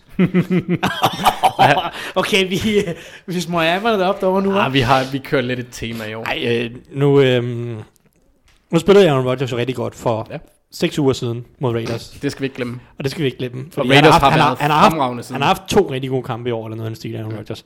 Ej, øhm, de sidste fem uger har Aaron Rodgers ikke spillet godt. Det, den er ikke længere. Øhm, og det er ikke for at sidde her igen og være Packers-hater eller noget. Fordi pa- Packers har et fint hold, og de har et godt forsvar. Men angrebet er ikke blevet markant bedre, end det var sidste år. Det er forsvaret, der er blevet bedre, end det var sidste år. Og jeg vil gerne se mere fra Aaron Rodgers og det her angreb, hvis jeg, hvis jeg skal tro på, at Packers skal nå i slutspillet. De sidste fem uger har Rodgers kastet 178 yards per kamp i snit, øh, med 5,9 yards per kast. Det er ikke imponerende. Fire af de her kampe har han max kastet et touchdown. Øh, der var så lige en kamp mod Giants, som har det med at spille uden forsvar, som han kastede fire touchdowns mod, det hjælper lidt på det. Men når jeg ser det her Packers angreb, så er det, det er urytmisk. Det er Jamen, altså, det er flowet, der er gået i stykker. Det, jeg synes, når jeg, når jeg ser Roger spille, så han, hans, hans øjne er slet ikke tålmodige eller disciplineret nok. Han, han, han har det meget, meget svært med at spille inden for strukturen lige nu. Det er super frustrerende at se på. Han misser så mange åbne receiver, eller han står og kigger på en åben receiver og ikke kaster bolden på en eller anden måde. Der er noget i hans mentalitet lige nu, som, som, som gør, at han ikke tør at spille inden for strukturen af spillet. Han vil nærmest improvisere på alle spil. Øh, selvfølgelig ikke sandt, men han, han, han improviserer på for mange spil. Så der er en grund til, at han holder bolden længe jo. Præcis. Eller, undskyld, fordi øh, Nå, men altså, jeg kunne, øh, øh, Ja, han holder bolden enormt længe, og jeg tænker jo også, det er for at se, altså han, han vil lade spillet udspille sig og kunne lave sine ting og alt Ja, ja, ja, ja, ja det er, det, om det er fordi, han gerne vil se det udvikle sig, eller om det er fordi, han er for grådig, eller hvad det er, eller om det er fordi, han, han ikke tør at trykke mm. på aftrækkeren på en eller anden måde, det, det, det, ved jeg, det ved jeg ikke, hvad det er. Men, men lige nu i hans spil, han, han, der er så mange kast, hvor han simpelthen han står og kigger, Øh, jeg har set flere spil lagt op på, på dybere kast, men bare selv korte kast på en, en slantrute, hvor han, hvor han tager bolden tre skridt tilbage, skal bare read, han skal bare læse slanten, er den åben eller ej. Han står og kigger direkte på den, slanten er helt åben, han kaster den ikke. Så kigger han, ud, så kigger han på den anden side, og man så og tænker, Aaron, vil du da sidde og bare kaste bolden? Ikke? Altså fordi pass Packers' offensive linje spiller virkelig, virkelig godt for tiden. Han har fantastisk protection. Det er ikke fordi, at han er konstant under pres, og han ser spøgelser i lommen. Noget. Han ser spøgelser i coverage på en eller anden måde. Og, og, og det er meget, meget underligt at sidde og se på. Fordi en gang imellem, lad os sige to eller tre gange per kamp, laver han stadig et vanvittigt kast, hvor man sidder og tænker, det der, det giver bare, ikke, det giver bare ingen mening. Fordi det, det er det, han også kan, fordi han har en fantastisk arm. Øh, men, men lige nu er der et eller andet i hans spil, eller i angrebets udformning, som ikke passer hans øjne, eller hans, hans hjerne, sådan at han, han kaster bolden til de åbne receiver mm. i, i, i det store hele. Det, det kan summeres ned til det. Han skal simpelthen bare øh, stole mere på spillets struktur, han skal stole mere på de rutekombinationer, som bliver tegnet op, fordi receiverne er frie. Han skal da være med at sænke sine øjne, eller rykke videre, indtil at, at, at, at receiveren har breaket. Altså hvis han står og læser på en safety, og så han skal læse den ind til breaket kommer, så skal han lade være med at kigge væk fra safetyen lige inden breaket kommer, så må han lige tage det her halve sekund ekstra, fordi typisk, eller i hvert fald flere gange i løbet af, af de sidste mange kampe, at de her receiver har været fri, og de, øh, det, det skal ændres, hvis, hvis Packers skal lave noget larm i slutspillet. Rodgers han skal blive bedre til at spille inden for angrebets struktur og slippe af med bolden. Ellers så går de ikke hele vejen. Mm. Og de har, de har holdet til at kunne gå hele vejen. Hvis Rodgers og det, det er jo ikke meget, der skal til. Det er bare, at han bliver lidt, lidt mere struktureret, fordi han har stadig armen. Det er ikke, det er ikke armen, der er gået i stykker. De har stadig godt angreb med, med nogle gode våben. Det var til Adams, Aaron Jones og alle de her ting. De kan sagtens flytte bolden, hvis han bare stepper en lille smule op. Og de har et forsvar, der, der er rigtig godt. Laver en masse turnovers og er gode i red zone mm. og alle de her ting. Øh, så det er ikke ret meget, der skal til, for det her bliver et rigtig uhyggeligt Packers hold. Men, men Rodgers, han er der ikke lige nu, og det er ham, der... Det, det lyder det lyder blasfemisk, men det er ham, der holder dem tilbage lige nu. Og hvad glæder du dig så præcis Jamen, så glæder jeg mig til at se dem mod et, et, et, et godt Bærs forsvar. Fordi okay, Bærs forsvar er ikke på det niveau, det var sidste år, men det er stadig godt forsvar. Mm. Det er stadig ifølge DVOA det 8. bedste mod kastet, det 12. bedste mod løbet.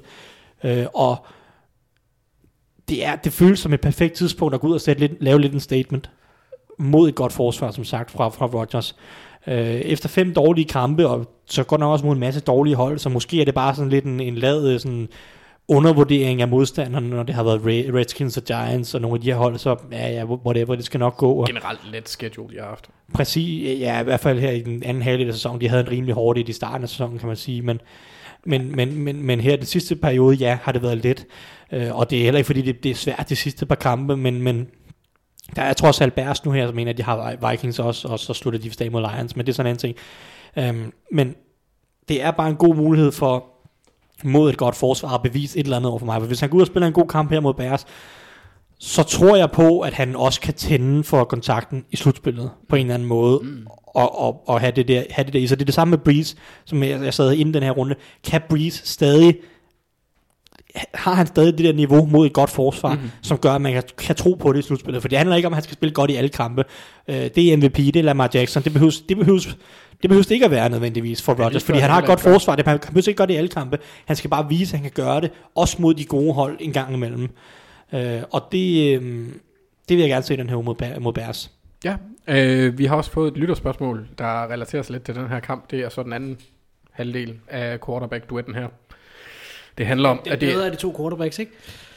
Ah, så ah, nu, nu er jeg en Packers hater, men han er ikke bedre end Trubisky, ah, trods alt. Det, det, det er kun men, det. Men han er heller... Nej, han er ikke bedre end Trubisky. Nej, nej, altså, han, han er ikke den fjerde bedste quarterback i den division. Han er kun den tredje bedste, ikke? Eller han er ikke den, den er ikke fire, han er kun...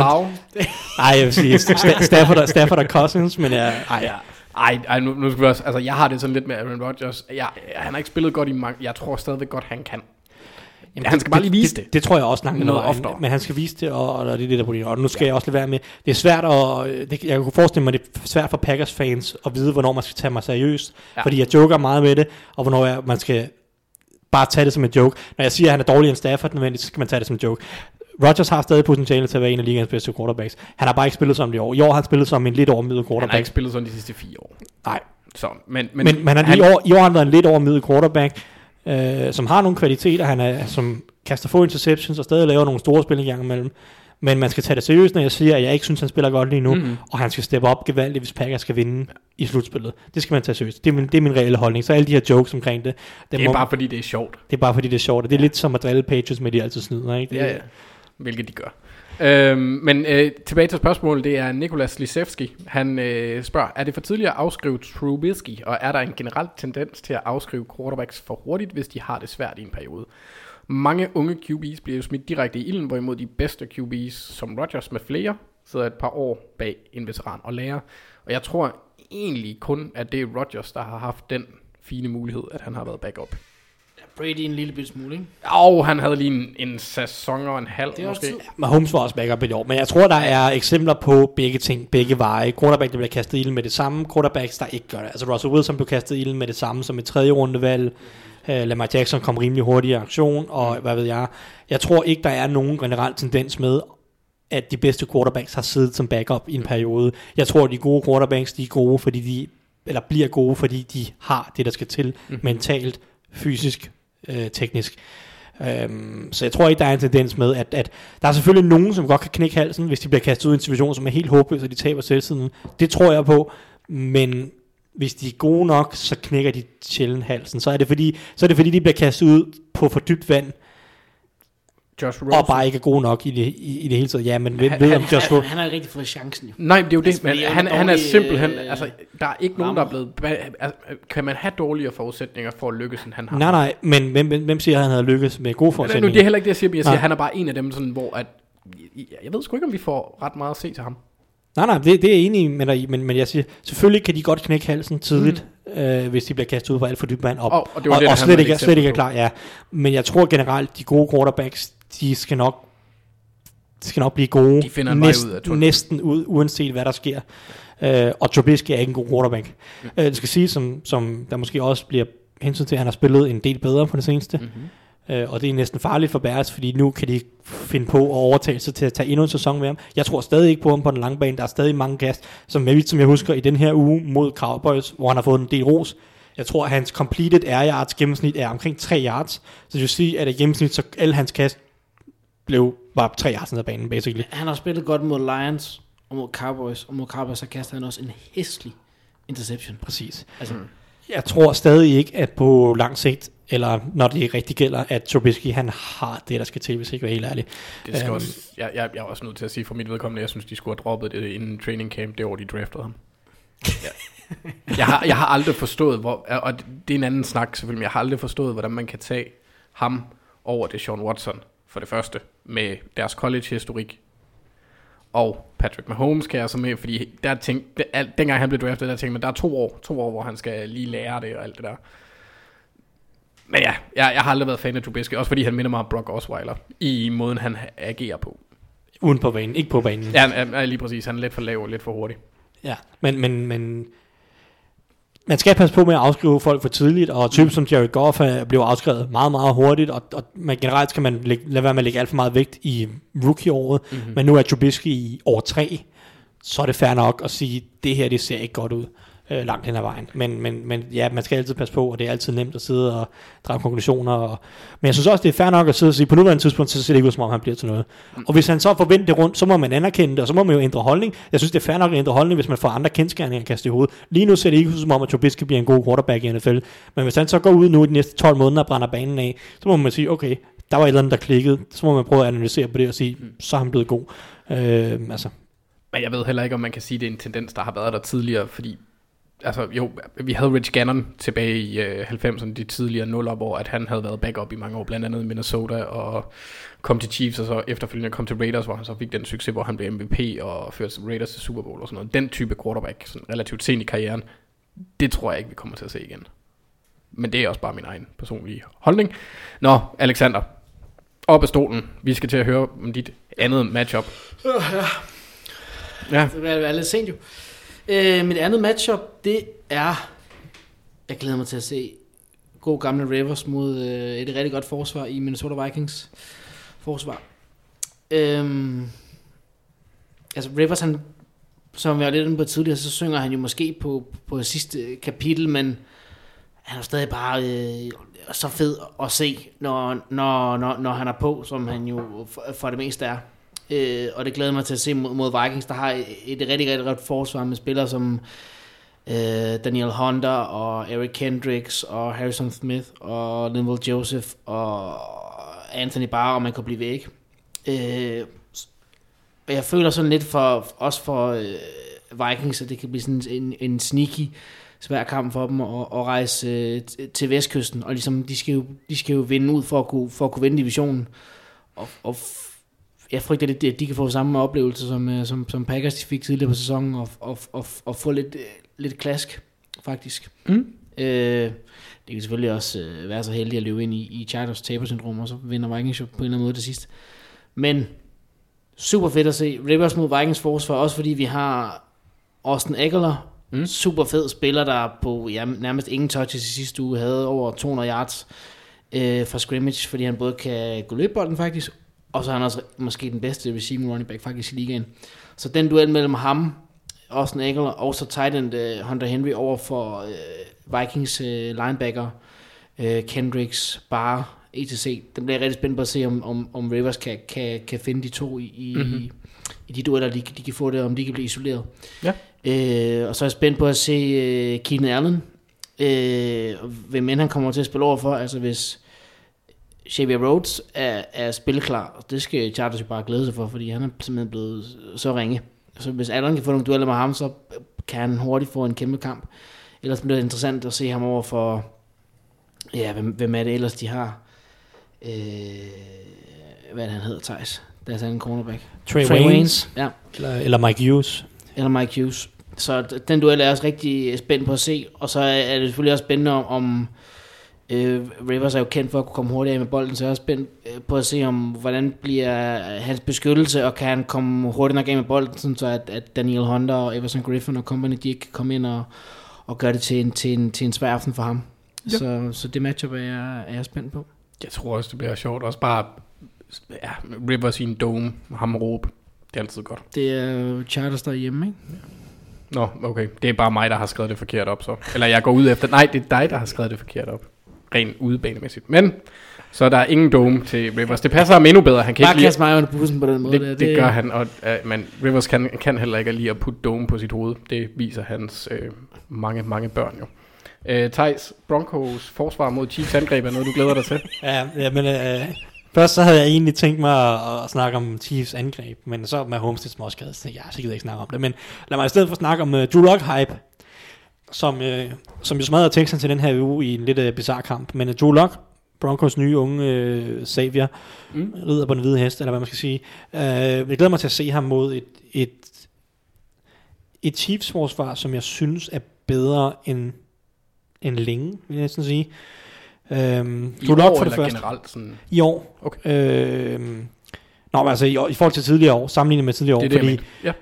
kasteforsvaret, jeg snakkede om det allerede tidligere i sæsonen, jeg synes, der var nogle gode tendenser. Mm. Det, så, det så væsentligt bedre ud, end det gjorde. Og det synes jeg egentlig kun, de har bygget videre på.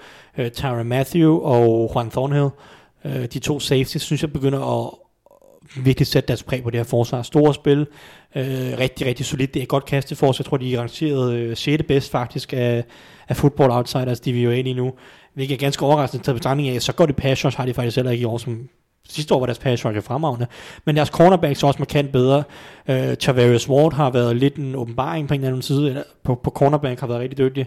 Og så tror jeg, Br- Brashard Breeland, vi snakker, jeg snakker om ham, tror jeg, inden sæsonen som en nøglespiller for Chiefs, Mm-hmm. fordi han skulle næsten præstere, fordi de havde ikke andre muligheder på cornerback.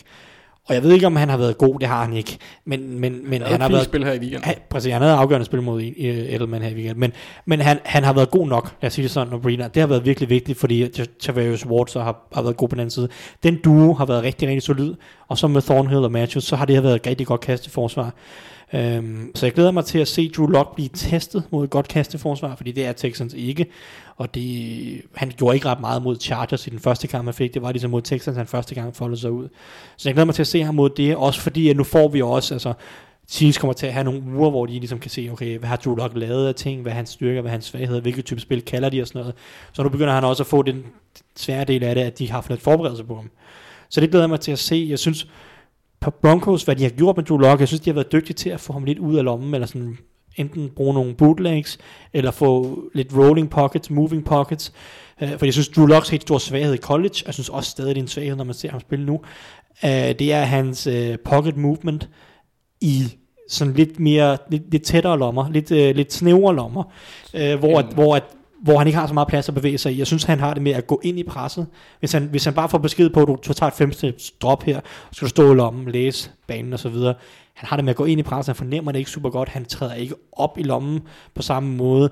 Øhm, og der, der har Broncos gjort det godt med, at de i hvert fald i, på mange spil har fået ham ud i, i lommer, der bevæger sig lidt. Det gør det lidt nemmere, der er lidt mere plads at arbejde med, så det er ikke så vigtigt, om, øh, om han lige bevæger sig ordentligt i lommen. Øh, så det glæder jeg mig til at se, om de kan fortsætte med, eller om Chiefs finder en måde at, at stoppe det lidt på, for jeg synes stadig, det, det virker til en svaghed stadig for Drew Lock. Øhm, så vil jeg sige, det glæder mig også til at se, det er, at han virkede, han, den her weekend, der kastede han rigtig meget til tight end, det vil sige, Noah Fant havde en kæmpe stor kamp med 110 yards og touchdown. Øh, og Chiefs forsvar er super dårlige i midten af banen, fordi deres linebacker er pivolendige alle sammen. Øh, Så vi jo senest Matt LaCourse udnytte rigtig flot for Patriots. Øh, nej. Ja, men altså Patriots, de har heller ikke nogen tight ends. Men øh, Chiefs er det hold, der har tilladt flest øh, øh, receiving yards til running backs i ligaen. Det er det hold, der har tilladt fjerde flest receiving yards til tight ends i ligaen. Øh, og jeg glæder mig til at se, om deres forsvar, på, eller på en eller anden måde, det matchup mod Noah Farn, hvis han bliver klar, det skal sige, at han blev småskadet i weekenden, så det kan godt være, at han ikke er klar. Det vil selvfølgelig ødelægge det lidt mere for Broncos. De har så Jeff Højermann som erstatning. Men så også deres running backs. Det er ikke fordi, de er en stor del af kastespillet, men de kan alle sammen lidt. Philip Lindsay, Royce Freeman og Devontae Booker kan alle sammen lidt i kastespillet. Så jeg glæder mig til at se det mod, øhm, mod Chiefs linebacker og safeties. Og så, altså, om, om Drew Lock kan følge med Patrick Mahomes. Mm. Øh, det, ja, men jeg vil også sige nej, som du siger, øh, som udgangspunkt. Men Mahomes løber jo rundt og, og ligner simpelthen, jeg ved ikke, øh, noget taget direkte ud af en skadestue. Altså, han humper rundt og har ondt i hånden, og ondt i knæet, og ondt i lille, lille tåen. Altså, han har jo forstuet hånden i en eller anden. Der var ikke, nogen, ikke noget brud på hånden, heldigvis. Mm. Men der er en eller anden forstuning på hånden, som, som efter sigende så var det, det var en kamp for ham at komme igennem den her Patriots-kamp. Han havde meget svært ved at gribe på bolden, i, eller have greb på bolden i anden halvleg. Og så har han stadig Der knæet. er så mange øh, forklaringer på, hvorfor de ikke kunne noget i anden halvleg Chiefs, hva'? Ja, og de vandt så alligevel, var han nok. Men, men altså, det, det var også derfor, jeg ikke gad at snakke så meget om Chiefs angreb. Det er svært at vurdere lige nu, om de fyrer på alle cylinder og så videre. Fordi det er så det spørgsmål, kan Drew Lock følge med der? Og, og vil man, kan Broncos forsvar måske gøre det sådan lidt nemmere for Drew Lock at følge med? Mm. Altså, det er generelt en interessant kamp, fordi Broncos, de har nogle strenge at spille på. De har et godt forsvar, og hvis Drew Lock lige pludselig kan give dem noget, noget gnist på angrebet. Fordi der så også er med Drew Lock, nu siger jeg, han, hans pocket movement og alt muligt er det ikke så god og sådan noget. Men hans arm, der er det fandme sjov. Han kan, han kan altså nogle ting med at kaste bold. Den er sgu sjov at se på. Han, der, han kan virkelig kaste bolden fra nogle mærkelige platformer, og virkelig fyre, eller få noget zip på den, ikke? Mm. Og det er underholdende. Så, så det bliver to quarterbacks, der virkelig kan, kan lave nogle vilde kast, og det er også som udgangspunkt sjovt at se på. Ja. Og så ja, må man håbe, at Von Miller han når at blive lidt mere frisk, så han kan stille sig op på den venstre side også. Han stiller sig kun, han kunne kun rush fra den ene side i øh, weekendens kamp mod, og det var Tunsil, det gik ud over. Ja. Ja. Nå, men øh, nu skal vi kigge lidt på, øh, hvorfor vinder de. Og der har vi jo øh, spurgt jer om, hvilke kampe vi skulle kigge på, og I fik valget. Og det faldt på Texans mod Titans og Bills mod Steelers. Og vi starter med Texans mod Titans. Og Alexander, vil du ikke forklare mig lidt om, hvorfor Titans vinder? Jo, øh, først og fremmest så vinder Titans, fordi... De har den bedste quarterback. Må jeg, må jeg øh, Ja. lave mine argumenter? Ja, kom med ellers den, så kom gider med jeg, ikke, med, jeg gider ikke med den her leg, når han skal afbryde mig på den måde. Du skal bare være glad for, at vi ikke sidder her F om, ja, ja, hvad vil det være tirsdag den 5. november, fordi så kunne jeg godt fortælle dig nogle ting, der havde været ubehageligt. Altså, det er så vildt, du skal bringe det op igen. Nå. Øh, Titans vinder, fordi de er et af de bedste hold i NFL lige nu. På øh, mm. generelt øh, over hele banen spiller de som et meget komplet hold lige nu.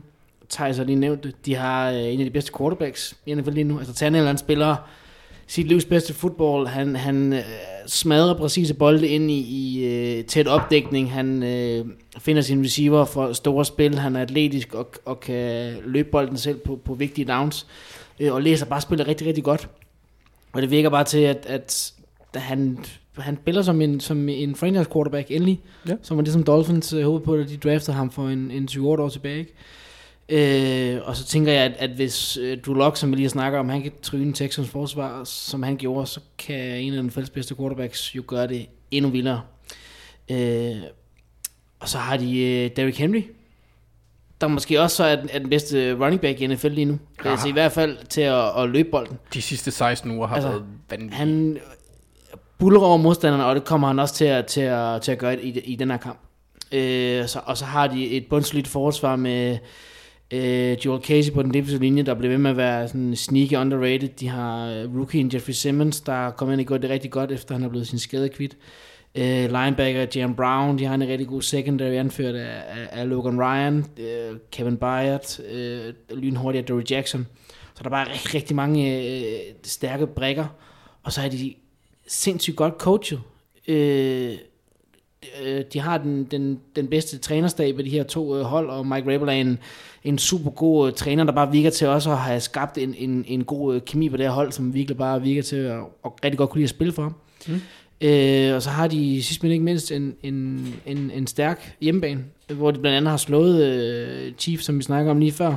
Så og hvis de kan slå Chiefs, så kan man også slå de fleste... Jeg er ret sikker på, at det var på Arrowhead, men... Uh, Nej, okay.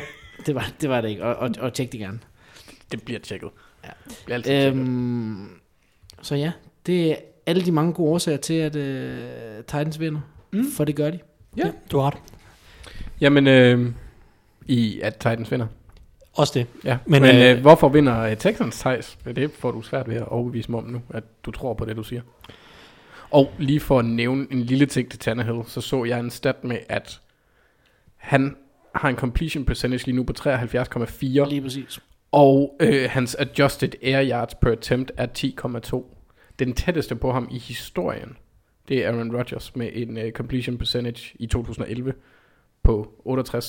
Ja, den kan Rodgers for god. Ja. 10,5, ja. Jeg tror, det var, var det ikke MVP-sæsonen egentlig? Jo. Så. En af dem. Ja. Han er ikke to. Oh. Ah, det kan godt være, han kun er en. Nå, Men argumenterer for øh, Texans, der. Ja. kun kan spille godt mod Patriots, åbenbart. Umiddelbart. Jeg tror bare, fordi at Patriots ikke er så gode. Nå, øh, Kunne i hvert fald ikke mod Ravens. jeg vil sige, at, at, at for Texans til at vinde den her kamp, så skal de ud og score mange point offensivt, tror jeg, for at kunne følge med. Øh, og det vil jeg sige, der, der er også nogle forudsætninger for, at det godt kan lade sig gøre for Texans at score nogle point.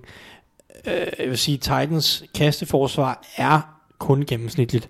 Der er nogle problemer på i deres secondary, hvor Adore Jackson, nu må vi se, om han er klar. Han var skadet her i weekenden, så de, i weekenden kørte de med Logan Ryan, Ty Smith og Tremaine Brock.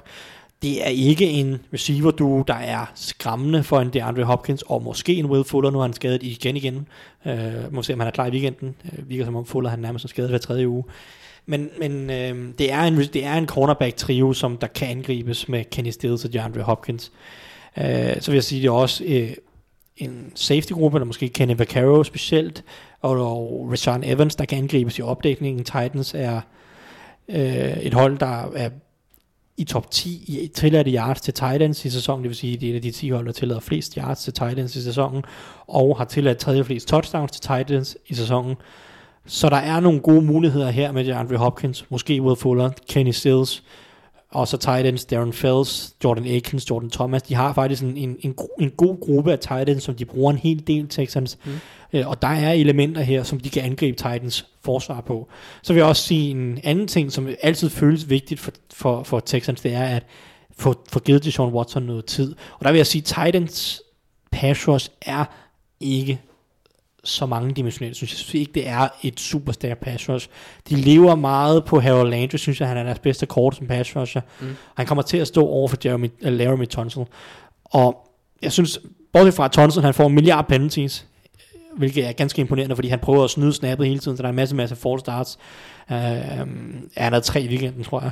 Men det er fordi, han prøver, uh, han prøver at anticipate snappet, så han mm. kører ikke, han, sidder, han kigger ikke på bolden, han Ja, ja. ja, så han, han 20-starter. Han prøvede 20-start, og det gik så galt i hvert fald tre gange i weekenden. Men han står over for uh, Harold Landry, og, og så uanset om han laver mange penalties eller ej, Tonsil, så er han en god passblocker, når han så uh, ikke starter for tidligt. Mm-hmm. Så jeg tror egentlig godt, de kan holde Landry væk, og så er der ikke så mange andre strenge at spille på. Jo, man, så Gerald Casey kan altid gøre lidt skade, men, men så god er han heller. Han er ikke trods alt, han mangler lige 5-10% fra da han var på toppen. Mm-hmm. Så der bør være forudsætninger for, at Watson kan få noget tid, og så er der nogle forudsætninger for, at de kan vinde nogle af de her matchups med Hopkins og Fells og nogle af de andre Titans. Og det er Titans håb, og undskyld, Texans håb, det er, at de, de kan vinde det angrebet mod Titans forsvar og score mange point.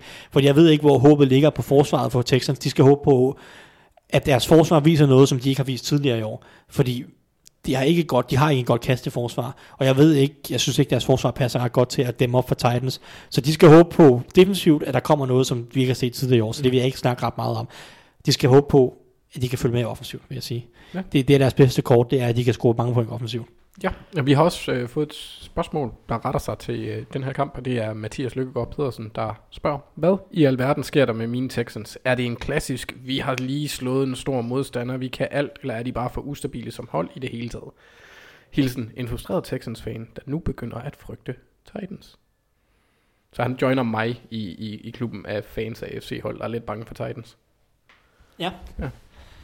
Øhm, altså jeg vil sige, jo, trænerstaben har noget af det, fordi at, at øh, ustabilitet i sidste ende falder tilbage på trænerstabens evner til uge efter uge at forberede holdet. Mm-hmm. Og der, er, der har Texans en træls, træls evne til at blive smadret i nogle kampe. Altså de bliver smadret den her uge mod Broncos, de bliver smadret af Ravens. Uh, de blev godt nok ikke smadret mod Colts i den første kamp mod dem, men de blev outcoached rigtig hårdt, mm-hmm. synes jeg, i den kamp. Så det, er, det falder tilbage på trænerstaben. Så vil jeg også sige, noget som altid giver grobund for noget ustabilitet, det er, når du har et dårligt forsvar, og det har Texans lige nu, kasteforsvarsmæssigt i hvert fald. Det har skadet meget af J.J. Watt er blevet skadet, og deres secondary har haft mange små skader, udskiftninger ind og ud, og Gavin mm-hmm. Conley er, har været inde og ud af line og sådan noget. De har ikke fået etableret en secondary, som er, er solid endnu. Og, og det skader bare holdet, fordi rammer du så en kamp, hvor angrebet bare lige mangler 5%, så er du lynhurtigt bagud 21-0, eller, som i den her kamp mod, mod, mod Broncos, så, så er det bare meget svært. Så et dårligt forsvar betyder ofte, at du har ikke ret meget at arbejde med. Du har ikke en ret stor fejlmargen at arbejde med i en eller anden forstand, fordi forsvar, at angrebet skal bare være væk i en halvleg, og så lige pludselig er du bagud med, med tre touchdowns. Og, og det er noget af Texans problem, og så er trænerstaben, vil jeg sige, et andet del af Texans problem. Ja, øh, og lige inden vi hopper videre til den næste matchup, Thijs, har du et spiltip med? Øh, ja. Øhm, som sagt, jeg tror, at jeg håber, at Texans de indser, at det her, de, hvis de skal vinde den her kamp, så bliver det formentlig et shootout, fordi de kan ikke holde Titans til at score mange få point. Så de skal også selv udscore mange point. Og der får du faktisk odds 1,92 på, at de scorer over 24,5 point. Så det vil sige 25 point eller derover fra Texans angreb. Næsten to gange pænt igen. Det synes jeg egentlig er meget pænt. Mm. Fordi jeg, jeg tror godt, de kan score point. Det er så spørgsmålet, om de kan score nok. Yes. Alexander, har du et til Titans? Øhm, Texans kan ikke score nok point. Nej, hvor sjovt. Og derfor så har jeg odds 2,9 på, at Titans vinder med mellem 1 og 9 point. Oh, Så et- et så interval. de Så jeg- udelukker ikke hinanden, de her to.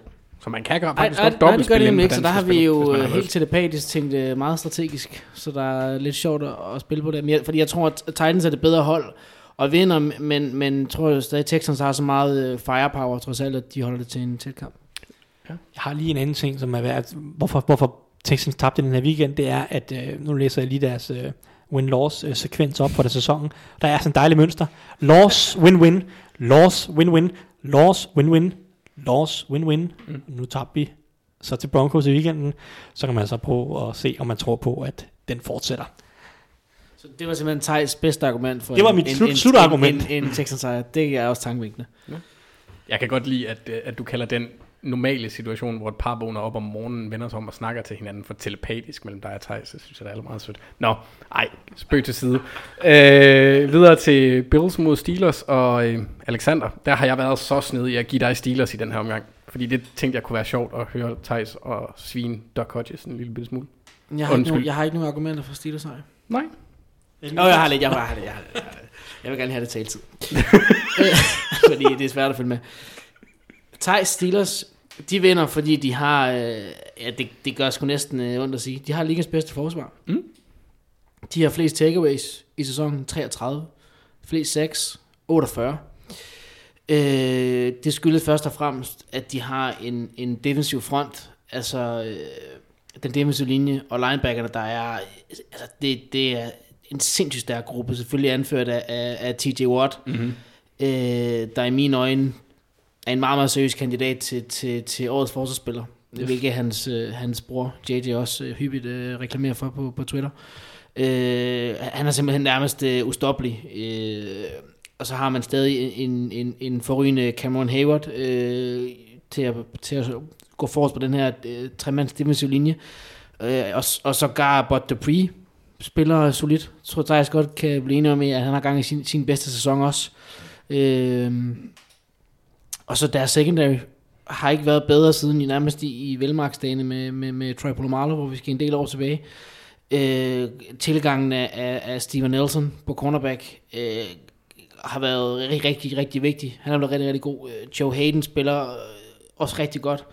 Øh, har ligesom fundet sin, sin, sin, sin anden, hvad kan man sige, Ungdom. ungdom. Lige nøjagtigt. Øh, Så det er en rigtig, rigtig stærk duo. Øh, Og så har de naturligvis den trade, de lavede med Dolphins for Minka Fitzpatrick, mm. har ligesom givet den her, den her playmaker, de også har manglet, fordi han laver også bare nærmest øh, et stort spil, hvis ikke flere, øh, hver uge. Øh, og så vinder de, fordi de også, nu brugte jeg jo hjemmebane før for Titans som et argument for at vinde, men hvis der er et hold, der har en stærk hjemmebane, så er det Steelers øh, på Heinz Field. Især fordi kampen den er jo blevet flexet til, til primetime, hvor Steelers er ekstra gode, når de øh, spiller, øh, hvor hele øh, USA mm. øh, ser med. Og så vinder de, fordi Mike Tomlin vel heller ikke har sammensat et bedre år som træner, end han er i gang med i år. Altså hvad han har gjort med det her hold, det er simpelthen bare, øh, det kræver stor respekt, fordi inden han gik ind i den her sæson, så havde han også lidt ryggen mod muren i forhold til, om, om man skulle begynde måske at kigge på, at, at der skulle ske noget på trænerpositionen. Øh, selvom Steelers jo naturligvis er et hold, der har rigtig, rigtig, rigtig meget tålmodighed Ja, øh, med deres head coaches, øh, hvilket Browns jo kunne lære noget af.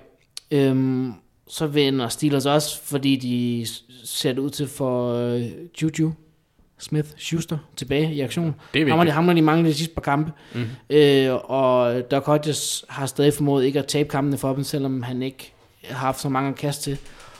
Og så når Juju kommer tilbage, så er det så ekstra fedt for Steelers, at øh, Deontay Johnson pludselig også er begyndt at lave spil. Han spillede en fed kamp. Øh, han spillede en rigtig fed kamp, blandt andet med hans, øh, hans punt return touchdown der. Øh, og når de pludselig har to receiver, der kan lave spil, Mm-hmm. så ser det også rigtig godt ud. Øhm, så derfor så er der rigtig, rigtig mange gode grunde til, Ja. ja. at Steelers de, de vinder, og ligesom tager hånd om det der femte seed i AFC. Ja. Øh, Thijs, vil du fortælle mig, hvorfor Steelers ryger ud af playoffs? Ja. det er du tro. Ja. Få ting, jeg hellere vil. øhm, det er, der er ikke nogen tvivl om, det her det er en kamp mellem to hold, der har gode forsvar. Og i sådan en kamp, der er det typisk en kamp, der bliver afgjort på, hvem der kan lave de her få store spil. Øh, touchdowns bliver utrolig afgørende, fordi der kommer ikke, formentlig ikke til at være mange af dem. Så, men også bare en dyb bold, der kan skabe et field goal, kan blive afgørende. Øh, det, er, det føles som sådan en kamp, der ender 12-10, eller en anden den stil. Mm. Øhm, det gør det nok ikke, fordi det er, som regel i nutidens NFL, så er der lidt flere touchdowns, men det føles som en kamp, der kan ende sådan. Mm-hmm. Jeg vil sige, at, at Bills har bedre forudsætninger for at lave de store spil, så de har bedre playmaker umiddelbart. Øh, lidt afhængig af, om Juju Smith-Schuster er med, øh, lad os håbe, han er, men, men hvis han ikke er, så er John Brown bedste receiver på banen. Øh, Cole Beasley er også en mand, der kan lave nogle gode spil. Øh, Dawson Knox er en atletisk tight end, sådan en har Steelers ikke lige nu. Øh, Devin Singletary er den bedste running back på banen for min i kampen. Det lyder ikke til, James Conner han er klar til weekend nemlig. Øh, Øh, har været rigtig dygtig både i kastespillet og i løbespillet. Og så vil jeg sige, at jeg har også bare den bedste quarterback. Altså, i den her kamp. Josh Allen... Åh nej, men altså... Det, det, det, er ikke, så- det, er ikke sikkert, han spiller, det er ikke sikkert, han spiller den bedste kamp, men han er den bedste quarterback af de her to. Øh, og han kan også i høj grad løbe bolden, så hvis jeg skal sige noget, så synes jeg, at Steelers faktisk de sidste par uger, de sidste fire uger, ikke har været så gode til at holde contain på quarterbacks. Begge kampene mod Browns havde de problemer med at holde contain på Baker Mayfield. Der var også ah, der var ikke problemer mod Kyler Murray. Han løb ikke så meget frem og bag, men han, han var udmærket til at bryde lommen et par gange. Og det er jeg bekymret for mod en type som Josh Allen. Mm. Så vil jeg sige, en ting, som bliver interessant i forhold til Josh Allens præstation og Steelers forsvar mod, mod ham, det bliver, jeg synes i weekenden mod Ravens, Mm-hmm. havde Josh Allen mega store problemer med Ravens blitzes. Han blev tæppebumpet med forsvarsspillere hele tiden. Jeg så godt det tweet, du sendte afsted, oh. eller du retweetede med, at han snittede, var det 5 yards per play mod fire rushers, øh, og så gik det ellers ned ad bakke til sådan noget. Mod 5 rushers var det 2, og mod 6 rushers var det 0, og så var det mod 7 og 8 rushers var det, ru- rushers, var det minus 3 yards per spil. Minus, mm, ja, minus 4,8 per spil, minus 19 i alt, 2 6 og 1 takeaway. Præcis. Han blev tæppebumpet, han var ikke god til at håndtere de her blitzes fra Baltimore Ravens. Mm. Og det er måske en incidens, der har været i mange af de andre kampe. Hvis du ser på nogle af de kampe, som de har tabt, har de også tabt til Patriots, og de har tabt til Browns. Det er også to hold, der blitzer rigtig meget. Ravens, så de holder blitzer mest i ligaen. Næsten 70% af spillene blitzer de, hvilket er helt insane, at det overhovedet kan lade sig gøre, men det er fordi, når man har, man har en god secondary. Ja, nogle gode secondary. Uh, men, men Browns og Patriots er også alle, er begge to hold i top 5, der blitzer meget, eller blandt de fem hold, der blitzer mest mm. i ligaen.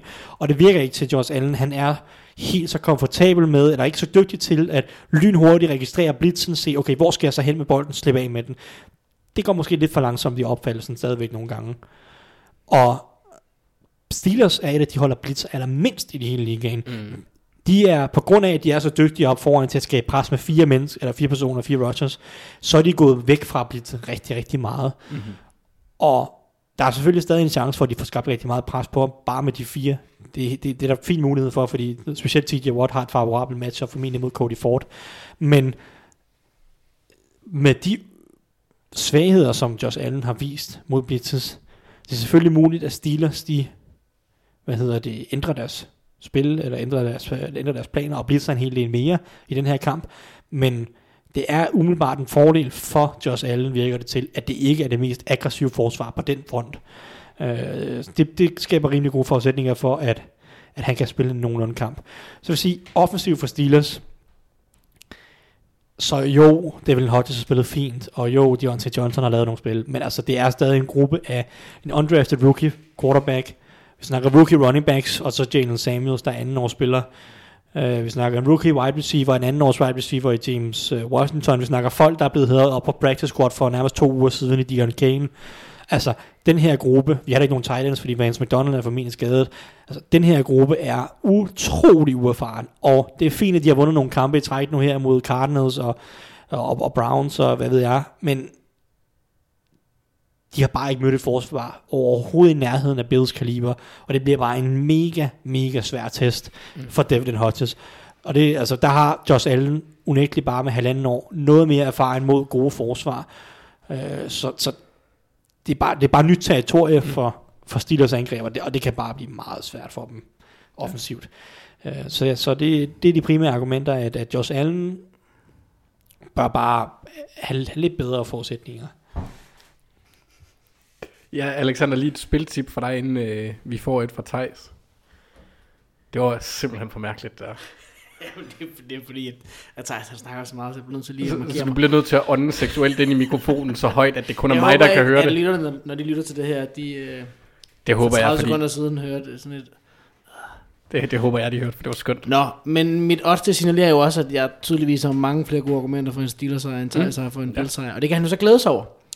Men jeg har faktisk også så fræk at finde på to øh, spiltips, ja. Thijs nævnte jo, at det godt kunne ligne sådan en, en, en, en 12-10 kamp, og, og det er jeg egentlig ikke helt øh, uenig i. Og derfor synes jeg faktisk, at jeg har fundet en rigtig godt odds til, at Bills de scorer under 15,5 point mm. til odds øh, 2,3. Øh, og jeg, jeg tror sgu, der er, der er større sandsynlighed for, at, at det sker, end at det ikke sker, så det synes jeg er et rigtig, rigtig godt odds. Og så samtidig, så, så jeg har en rimelig god fornemmelse omkring, at Steelers de snupper den her, fordi det er primetime, de er på hjemmebane, klasseforsvar. Og der går du inklusive overtime, det vil sige, hvis de vinder i overtime, gælder spillet også, for et 1,72 på en uh, hjemmesejr til Pittsburgh. Mm. Thijs, har du et, uh, et spiltip for os? Jamen, øh, det er sådan set ikke, øh, ikke super kompliceret, det jeg har valgt. Men det er bare, at øh, Bills vinder, og de scorer, og der bliver lavet under 38,5 point i kampen. Så får du også øh, 3,6 gange point. point, point Begge hold her Bare lige sådan, fordi Alexander sidder og holder fingre op. Det er samlet? Samlet, ja. Samlet. Yes. Øh, altså, at der bliver under kampen, eller i kampen bliver scoret 38 point eller færre, mm. og at Bills så vinder, som sagt, odds 3,6 sidste gang jeg tjekkede det, det omkring. Øh, fordi det bør være en lav kamp. Det er også to af de dårligste red zone angreb, hvis vi bare sådan snakker nu, hvis nu lige tager et notat med. Bills de sidste tre uger, det tredje dårligste red zone angreb. Steelers det suverænt dårligste. Steelers de sidste tre uger har scoret touchdown på 18% af deres red zone drives, og det er nærmest utroligt, altså det er nærmest ikke til fat, hvor dårligt det er. Heldigvis har de en, en bedre kicker også, faktisk. Og ja, deres Steelers, team ja. ser ud til at begynde at lave spil. Endelig. Ja. Ja. Så, øh, ja, Bills har så også en rigtig dygtig returner i Andre Roberts, så det skal vi, øh, så det er ikke nødvendigvis mm. der, men... Og, og helt ærligt, Thijs, hiver du det odds op af hatten, fordi at du reelt tror, at Bills vinder? Jamen det må du vente er det- til. Er det anti-jinx, eller Det, hvad? det må du vente til, at øh, vi tager, vi, den tager vi i pix lidt senere, tænker jeg. Okay. Hvorfor spørger du ham, som om du er, ved at, er altså virkelig bange for, at du er ved at slå en prut, når du gør det, sådan virkelig skal anstrenge dig for at holde den inde? Det, var, Hvorfor, hvorfor skal du beslutte det her segment af med, at du siger sådan noget der? Altså, det er sådan, jeg er. Det er bare fordi, jeg, bare fordi jeg vil være rigtig sulten. Og ja, vi skal, jamen, så vi mangler også kort, fordi vi, er, vi har sgu ævlet lidt for længe i, i dag, så vi, øh, vi går direkte til ugens overraskelser, bagefter til picks, så, så tager vi lytterspørgsmål, som vi har fået et par stykker af, dem tager vi i en anden god gang. Det er heldigvis nogen, der kan genbruges. Så øh, Alexander, din overraskelse i den her uge, den ser spændende ud. Det er den også. Ja. Det skal en overraskelse være. Øh, jamen jeg siger, at øh, Washington Redskins, de i den her fuldstændig fremragende, øh, talentfulde NFC East, slår øh, Philadelphia Eagles. Ja. Øh, I forhold til her, når vi sidder og optager, så i, i nat, så skulle Eagles jo simpelthen hente, øh, lave et 14 points comeback hjemme mod Giants og Eli Manning, mm-hmm. for ikke at gå, ikke at blive hvad? 5 og 8, nu er de så 6 og 7, øh, og fuldstændig i, i spil til at vinde øh, divisionen, hvilket jo er utroligt nok med den record. Mm-hmm. Øh, jeg synes bare, Eagles har vist tilpas nok øh, svagheder, senest på et par uger siden med et nederlag til, til, til Dolphins og generelt en skuffende sæson, at, at jeg på ingen måde... Senest i nat. Senest i nat også. De har heller ingen wide receivers overhovedet Det, længere. det, er- okay, den her hurtig kommentar. Den her Eagles Giants kamp, at de går ind til den kamp med kun tre raske wide receiver, er fuldstændig bananas Eagles. Så er der så to wide receiver, der bliver skadet i løbet af kampen, så de slutter kampen med kun én wide receiver, der var rask, eller skadesfri, vil jeg mærke, mm. men det er Whiteside, ja. Og han lavede så Nej, også... det var, Nej, det var Greg det var Ward Greg Jr. Ward, fordi uh, Whiteside også blev skadet. skadet i fire kvarter. Ja. Uh, de burde have tabt den her kamp til Giants, Ja, ja, lad os sige det sådan, men, men uh, nå, de vandt i sidste ende. Nå, men du er enig med mig. Ja. Øh, De er svage. giver- ja. Re- Redskins, øh, jamen, de giver, hvad giver de? 72. 72. Igen. Og det, det er jo ret højt af et hjemmebanehold, kan man sige. Det synes jeg også. Ja. Man kan så også sige, at Redskins, de er nok et af de hold, der ikke har så stor en hjemmebanefordel. Så der er nok lige så mange Eagles-fans, Ja, ja, der er Redskins-fans. det- Men, øh, kan jeg godt være med. Ja, Eagles har godt nok heller ikke set men, gode men Redskins har et godt forsvar. Haskins har vist øh, lovende ting. Har en stor arm, så hvis han ikke øh, ligesom øh, fejrer sejren til Eagles, så har Redskins en, en færre chance for at vinde. Ja. Hvad med dig, Thijs? Hvilken overraskelse? Jamen, jeg satser, jeg satser den her uge. Uh. Der skal satses. Nu er jeg lidt, lidt, lidt kedelig sidste uge, da jeg tog Dolphins, men uh, de mangler lige et field goal mere. Uh, syv var ikke nok til at slå, uh, slå, slå, Dol- uh, slå Jets. Men så den her uge, der satser vi, og så går vi med Atlanta Falcons ude mod San Francisco 49ers. Du har simpelthen valgt dem, der er mindst favoritter til at vinde. Ja, og der er, der er kun ét argument, og det er, at øhm, 49ers nu har spillet et par rigtig, rigtig high profile kampe. Er det tre i træk nu? Packers, Ravens, Saints. Jeg ved ikke, om der lige var en kamp ind imellem Packers og øh, Ravens. Men tre ja. højt profilerede kampe, og nu kommer de hjem på hjemmebane, og så møder de sådan lidt et halvfæsen Falcons hold, så kunne de godt finde på lige at tage en slapper. Og med alle de skader, der er, og med et forsvar, der vist nogle svaghedstegn mod Saints, og Falcons har trods alt stadig en del våben på angrebet, selvom Calvin Ridley er ude for sæsonen, øh, så, så satser vi hele butikken her og siger 5,1 5,1 gang penge igen Mm. øh, på, at Falcons vinder.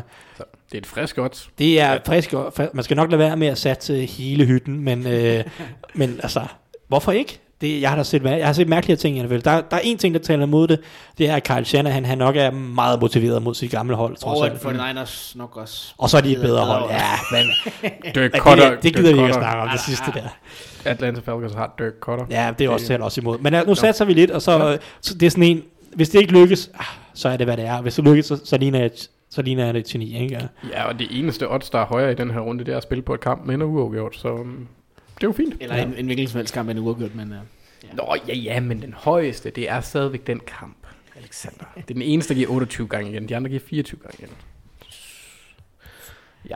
Nå, øh, ja, så lige inden vi skal til picks, så skal vi lige afgjort ugens bedste spørgsmål, og det har vi gjort allerede. ja, vi er sådan lidt let. Ja, det har vi. Hjemmefra. Jeg vil ikke sige, at jeg, jeg har bagt det hjemmefra, men øh, det blev øh, Katja Kvarnø. Så øh, hun vinder et lod i konkurrencen om at vinde en rejse til 10.000 kroner. ja. Det er rimelig fedt. En NFL-rejse, der, det var spørgsmålet om Rams. Yes. Som Og jeg vist- kan lige sige, at jeg for en uge siden kom hjem fra en NFL-rejse til Texas, hvor jeg også så min, min Patriots tab. Mm. Mm. Men jeg kan kun anbefale øh, Hvis man kan komme med i en konkurrence om at vinde sådan en NFL-rejse, så skal man bare gøre det, fordi det er en fed oplevelse. Mm. Ellers så kan man, synes jeg bare, man skal, man skal punge ud, fordi hvis man er fan af NFL, og man ikke har været afsted endnu, så er det, så er det så bare med at komme øh, afsted. Og jeg ved, at der bliver arbejdet på at få planlagt nogle rigtig, rigtig fede rejser næste år også. Ja, plus der er en chance for, jeg skulle lige til at kalde det en risiko, men det er jo ikke negativt, så en chance for, at øh, du kommer med også. Det er jo altid rart. Ja, det er nogen, der siger. Ja, altså jeg vågnede op sidste gang, at du var i Texas, der vågnede jeg op dagen efter til en besked fra, fra en ikke navngiven Twitter-følger, der sagde, at du opfører dig præcis ligesom mig, når du er fuld. Og jeg gad virkelig godt, virkelig, virkelig godt vide, hvad det indebar, og så han sendte mig nogle videoer. Øhm, og så er det tid til picks. Vild overgang. Kan du bare hænge ud? Nej, det var ganske... Hæng Han, helt til tør. han sagde bare, at du var glad og krammede folk. Så det... På en, altså, de havde givet samtykke. Så, så derfor minder du om... Ikke om Øh, Jeg gjorde heller ikke mere end at kramme, så vidt jeg husker. Ja. nej, nej, nej, men stadigvæk nogle mennesker. Nå, ja. picks. Yes, picks. Vi... Øh, jeg, jeg, jeg, jeg skøjter lidt med rækkefølgen her. Ja, øh, vi starter tors- torsdag aften med Ravens, Ravens mod Jets. Øh, er, er Lamar Jackson ude? Han har jo fået en, en mindre skade efter sine i... Nå. Jeg tror på, at vi vinder selv med Robert Griffin. Ja, øh, Men, ja. men, men altså, hvad, hvad er der, fordi i... Han har en, er det ikke en quad? ja, en kvart skade, men... Øh, Men er han, altså, det er ikke, har han siddet træning over, eller har han... Nej, han, var, han, var, han sad ude af træningen, hvor uh, journalisterne havde adgang. Da de så lukket træningen, så kom han på banen. Okay, så han var limited participant. ja, det er Brady også hele tiden, så... Øhm, Altså, jeg synes jo, at, at man ikke, eller Mark Jackson, han spiller, og selv hvis han ikke gør, så skal, Nej. så skal Ravens jo helt op i toppen. Der er ikke en chance for, at han ikke spiller, med mindre første seed bliver sikret på et eller andet tidspunkt. Ja. Og det, det, det, det er selvfølgelig og, og relativt... stadig i u 17 i en potentiel kamp mod Steelers, om der så ikke er noget på spil. Hvis, hvis der er noget på spil for Steelers, Det er det. Så tror jeg godt. Og det er der jeg nok. på det. Men, men altså, jeg så for øvrigt, at hvis Steelers vinder den her kamp over Bills, så er chancerne for, at de går i slutspillet, som jeg husker, det er 89, øh, 87 procent. Hvis de tager, så er den 27. Så det, Det er en er... uh, rigtig, rigtig vigtig kamp. Ja. Det var, ja, nå. Nå, Men Ravens, Ravens Jets. vinder, lad os sige Ravens vinder. Selvom det vil være en Adam Gase classic at lave sådan en mega what the fuck Nej, kamp. det vil det ikke være. Jo, det vil det være. Nej, Nå, ikke Nå. med Ravens. Men det er fordi, jeg også gerne vil anti-jinx. Panthers, Panthers mod uh, Seahawks. Nu skal jeg sige, at uh, mens I tænker, så kan jeg sige, at nu tabte Seahawks selvfølgelig endelig, efter at jeg tre ud af de sidste fire gange er gået mod Seahawks, fordi uh, jeg tænker, at de kan ikke blive ved med at være så heldige. Og så endelig, når jeg så siger, ej, nu, nu lad være med at tvivle mere på dem, så tager de selvfølgelig. Nå. Ja. Men Ja, uh, jeg tror, de de vinder vinder. den her uge. Ja, det gør Ja, de. de, de, de, de bouncer back. De har for meget at tabe ved ikke at vinde. Ja. Ja. De tabte allerede for meget Men ved de at havde, tabe i de den havde her også runde. meget tab. Ja, De ja. havde tab til Men. Panthers er bare markant ja. dårligere. Uh, Bengals mod Patriots.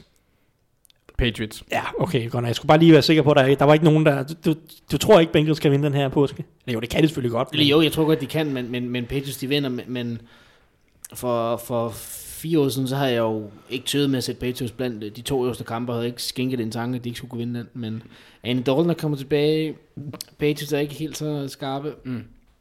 Ja, altså, den første synes jeg var sjov, men Ja. ja. Nå, Ja, altså Chris Wessling, han er jo også fra Around the League, han har snakket om det i 3-4 uger nu, om at det er Bengals, de tager den kamp. Nej, han- har snakket om, at den er sneaky svær. Ja, ja. Nå, Detroit Lions mod Tampa Bay Buccaneers.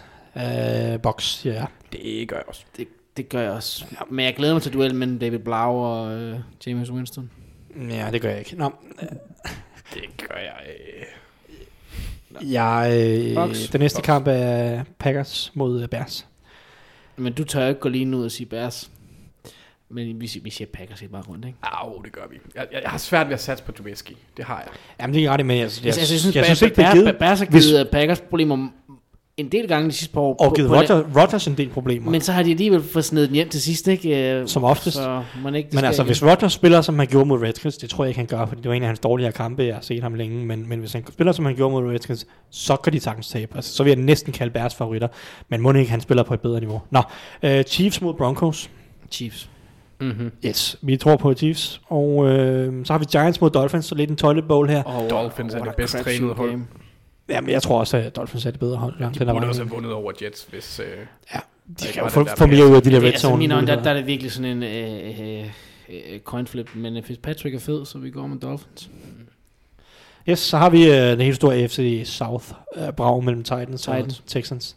Jeg tror også mest på Titans. Det gør jeg også, må jeg sige. Selvom jeg sad og argumenterede for Texans, så tror jeg, at Titans vinder. Men, men er det ikke det er også ofte her, hvor man sådan, og så leverer Deshaun Watson en eller anden vanvittig kamp, ikke? Når Ja, man jeg- sådan jeg tænker, håber, sådan, det, det er, øh, altså, hvis han leverer en, en voldsom kamp, så kan Ja. det blive en mega fed kamp. Ja, Der, der er ikke et hold i AFC, jeg frygter mere end Titans lige nu. Og også for den måde, de kan komme ind i slutspillet på, er sådan en opadgående kurve. Som sådan Patriots-fan frygter jeg faktisk øh, øh, Ravens lidt mere end Titans. Jamen, jeg frygter Men- ikke men- Ravens super meget. det må jeg lidt om. Nå, Som, som Ravens fan. skal, skal vi tage Redskins mod Eagles? Er du, du tog Redskins som de opsæt. Tror du også på den i sidste ende, eller var det bare... Nej, det gør jeg ikke. Nej. Hvis jeg, hvis jeg, hvis jeg, hvis jeg skulle... Øh, mit, mit liv det afhang af, hvem der vandt den her kamp, så ville jeg alligevel gå med Eagles. Og det gør jeg Det så. gør det ikke. Altså, det, er, det, det er ganske uskyldigt. Altså, Kampen... Anders, skal vi tage Redskins, eller hvad? Jeg, jeg kunne godt finde på det lidt. nej, det er fordi, jeg overbeviste jer før, så ikke... jeg, jeg har set meget lidt af kampen fra i går. Øh, men det jeg så, det Du var har ikke behov for at se det. Godt nok. Jeg så det hele, Grimt. og øhm, det var meget, meget grimt. Ja. Der kom lidt gang i det. Boston Scott, han, øh, han havde lige, øh, han reddede Eagles' røv. Det mener jeg helt seriøst. Boston Ja, ja, Scott, han øh, var, var Eagles angreb i anden halvleg langt hen ad vejen. Men det, det er jo ikke ligefrem betryggende, at Nej. det er en, en, en backup running back, der styrer det hele. Øhm, der, ja, og, og Redskins var konkurrencedygtig, eller mere konkurrencedygtig mod En Packers, ting, end jeg er super bekymret for med Eagles, det er, at det er nærmest uanset hvem der er quarterback, så kan deres secondary blive brændt. Ja, og Terry McLaurin. Ron, Ronald Darby, han tillod 155 yards i Bortset fra, hvis det er Brady, så kan den ikke blive brændt. Ja, det er fordi, det er sandt. det har ikke noget med ham at gøre. det Men, noget men, med men det, Det er jeg altså. Ej, det var, det var sødt sagt. Ej, han kan stadigvæk kaste. pa, øh, Eli Manning kastede for 203 yards. 155 af dem var mod øh, Ronald Darby. Det, det burde ikke være muligt, Hvor men mange af dem blev grebet af Darius Slayton? formentlig næsten dem alle sammen. Okay. Ja. Uh, Fordi han havde... Nå, hvad, hvad går vi med? Jeg, jeg, jeg, jeg siger jo ikke... Ja, lad os bare tage Ja, Eagles, men øh, puha, den er... Men den, den skal lidt nedad, ikke? Hvis vi skal... Lad os bare pff, aflyse NFC East. Nå, øh, Cardinals mod Browns. Cardinal. Ah, Browns. Jeg tager Kyler Murray, Browns. han er skadet. Ja, han ser skadet ud. Han spillede sine to dårligste kampe i år de sidste to Altså, jeg vil stadig gå med Brown, selvom han spillede. Men Det tror jeg også, jeg vil, men, men, men det er i hvert fald helt... Jeg rimelig, føler mig rimelig komfortabel med Browns, faktisk. Det, og, og, og lynhurtigt igen. Det er utroligt, at hver gang Browns vinder, så skal der være en anden negativ historie, fordi nu har sagde Mayfield det der med, at deres øh, sundhedsstab ikke har tre, håndteret øh, OBJ's skade ordentligt og det der. Nå, men det... Ja, det virker, altså det de der, kan man kan sige, old whites, som man vel godt kan kalde dem, der var ude og kritisere Mayfield efter, mm. eller op til han blev draftet, de, de er lidt ret på nogle punkter. Nå. Ja, han, han bliver ved med at Ja, men, altså det kan godt være, han er som han stryge folk mod hårene, eller man skal sige, ikke? men noget af det er også bare unødvendigt. Ja, men fuldstændig. Nå, Chargers mod Vikings. Ik- det er ikke en nem kamp for Vikings, men... Og, de, og det er den der udebane. De er markant dårligere på udebane. Mm. Men jeg tror, at den her... Jeg, jeg tror, at mest af alt deres defensive linje spiser Chargers' mm-hmm. offensive linje, og det tror jeg bliver afgørende. Så jeg tager Vikings. Daniel Hunter. Mm, mm, mm, mm, mm, mm. Jeg tager Chargers. Det, det er lige meget.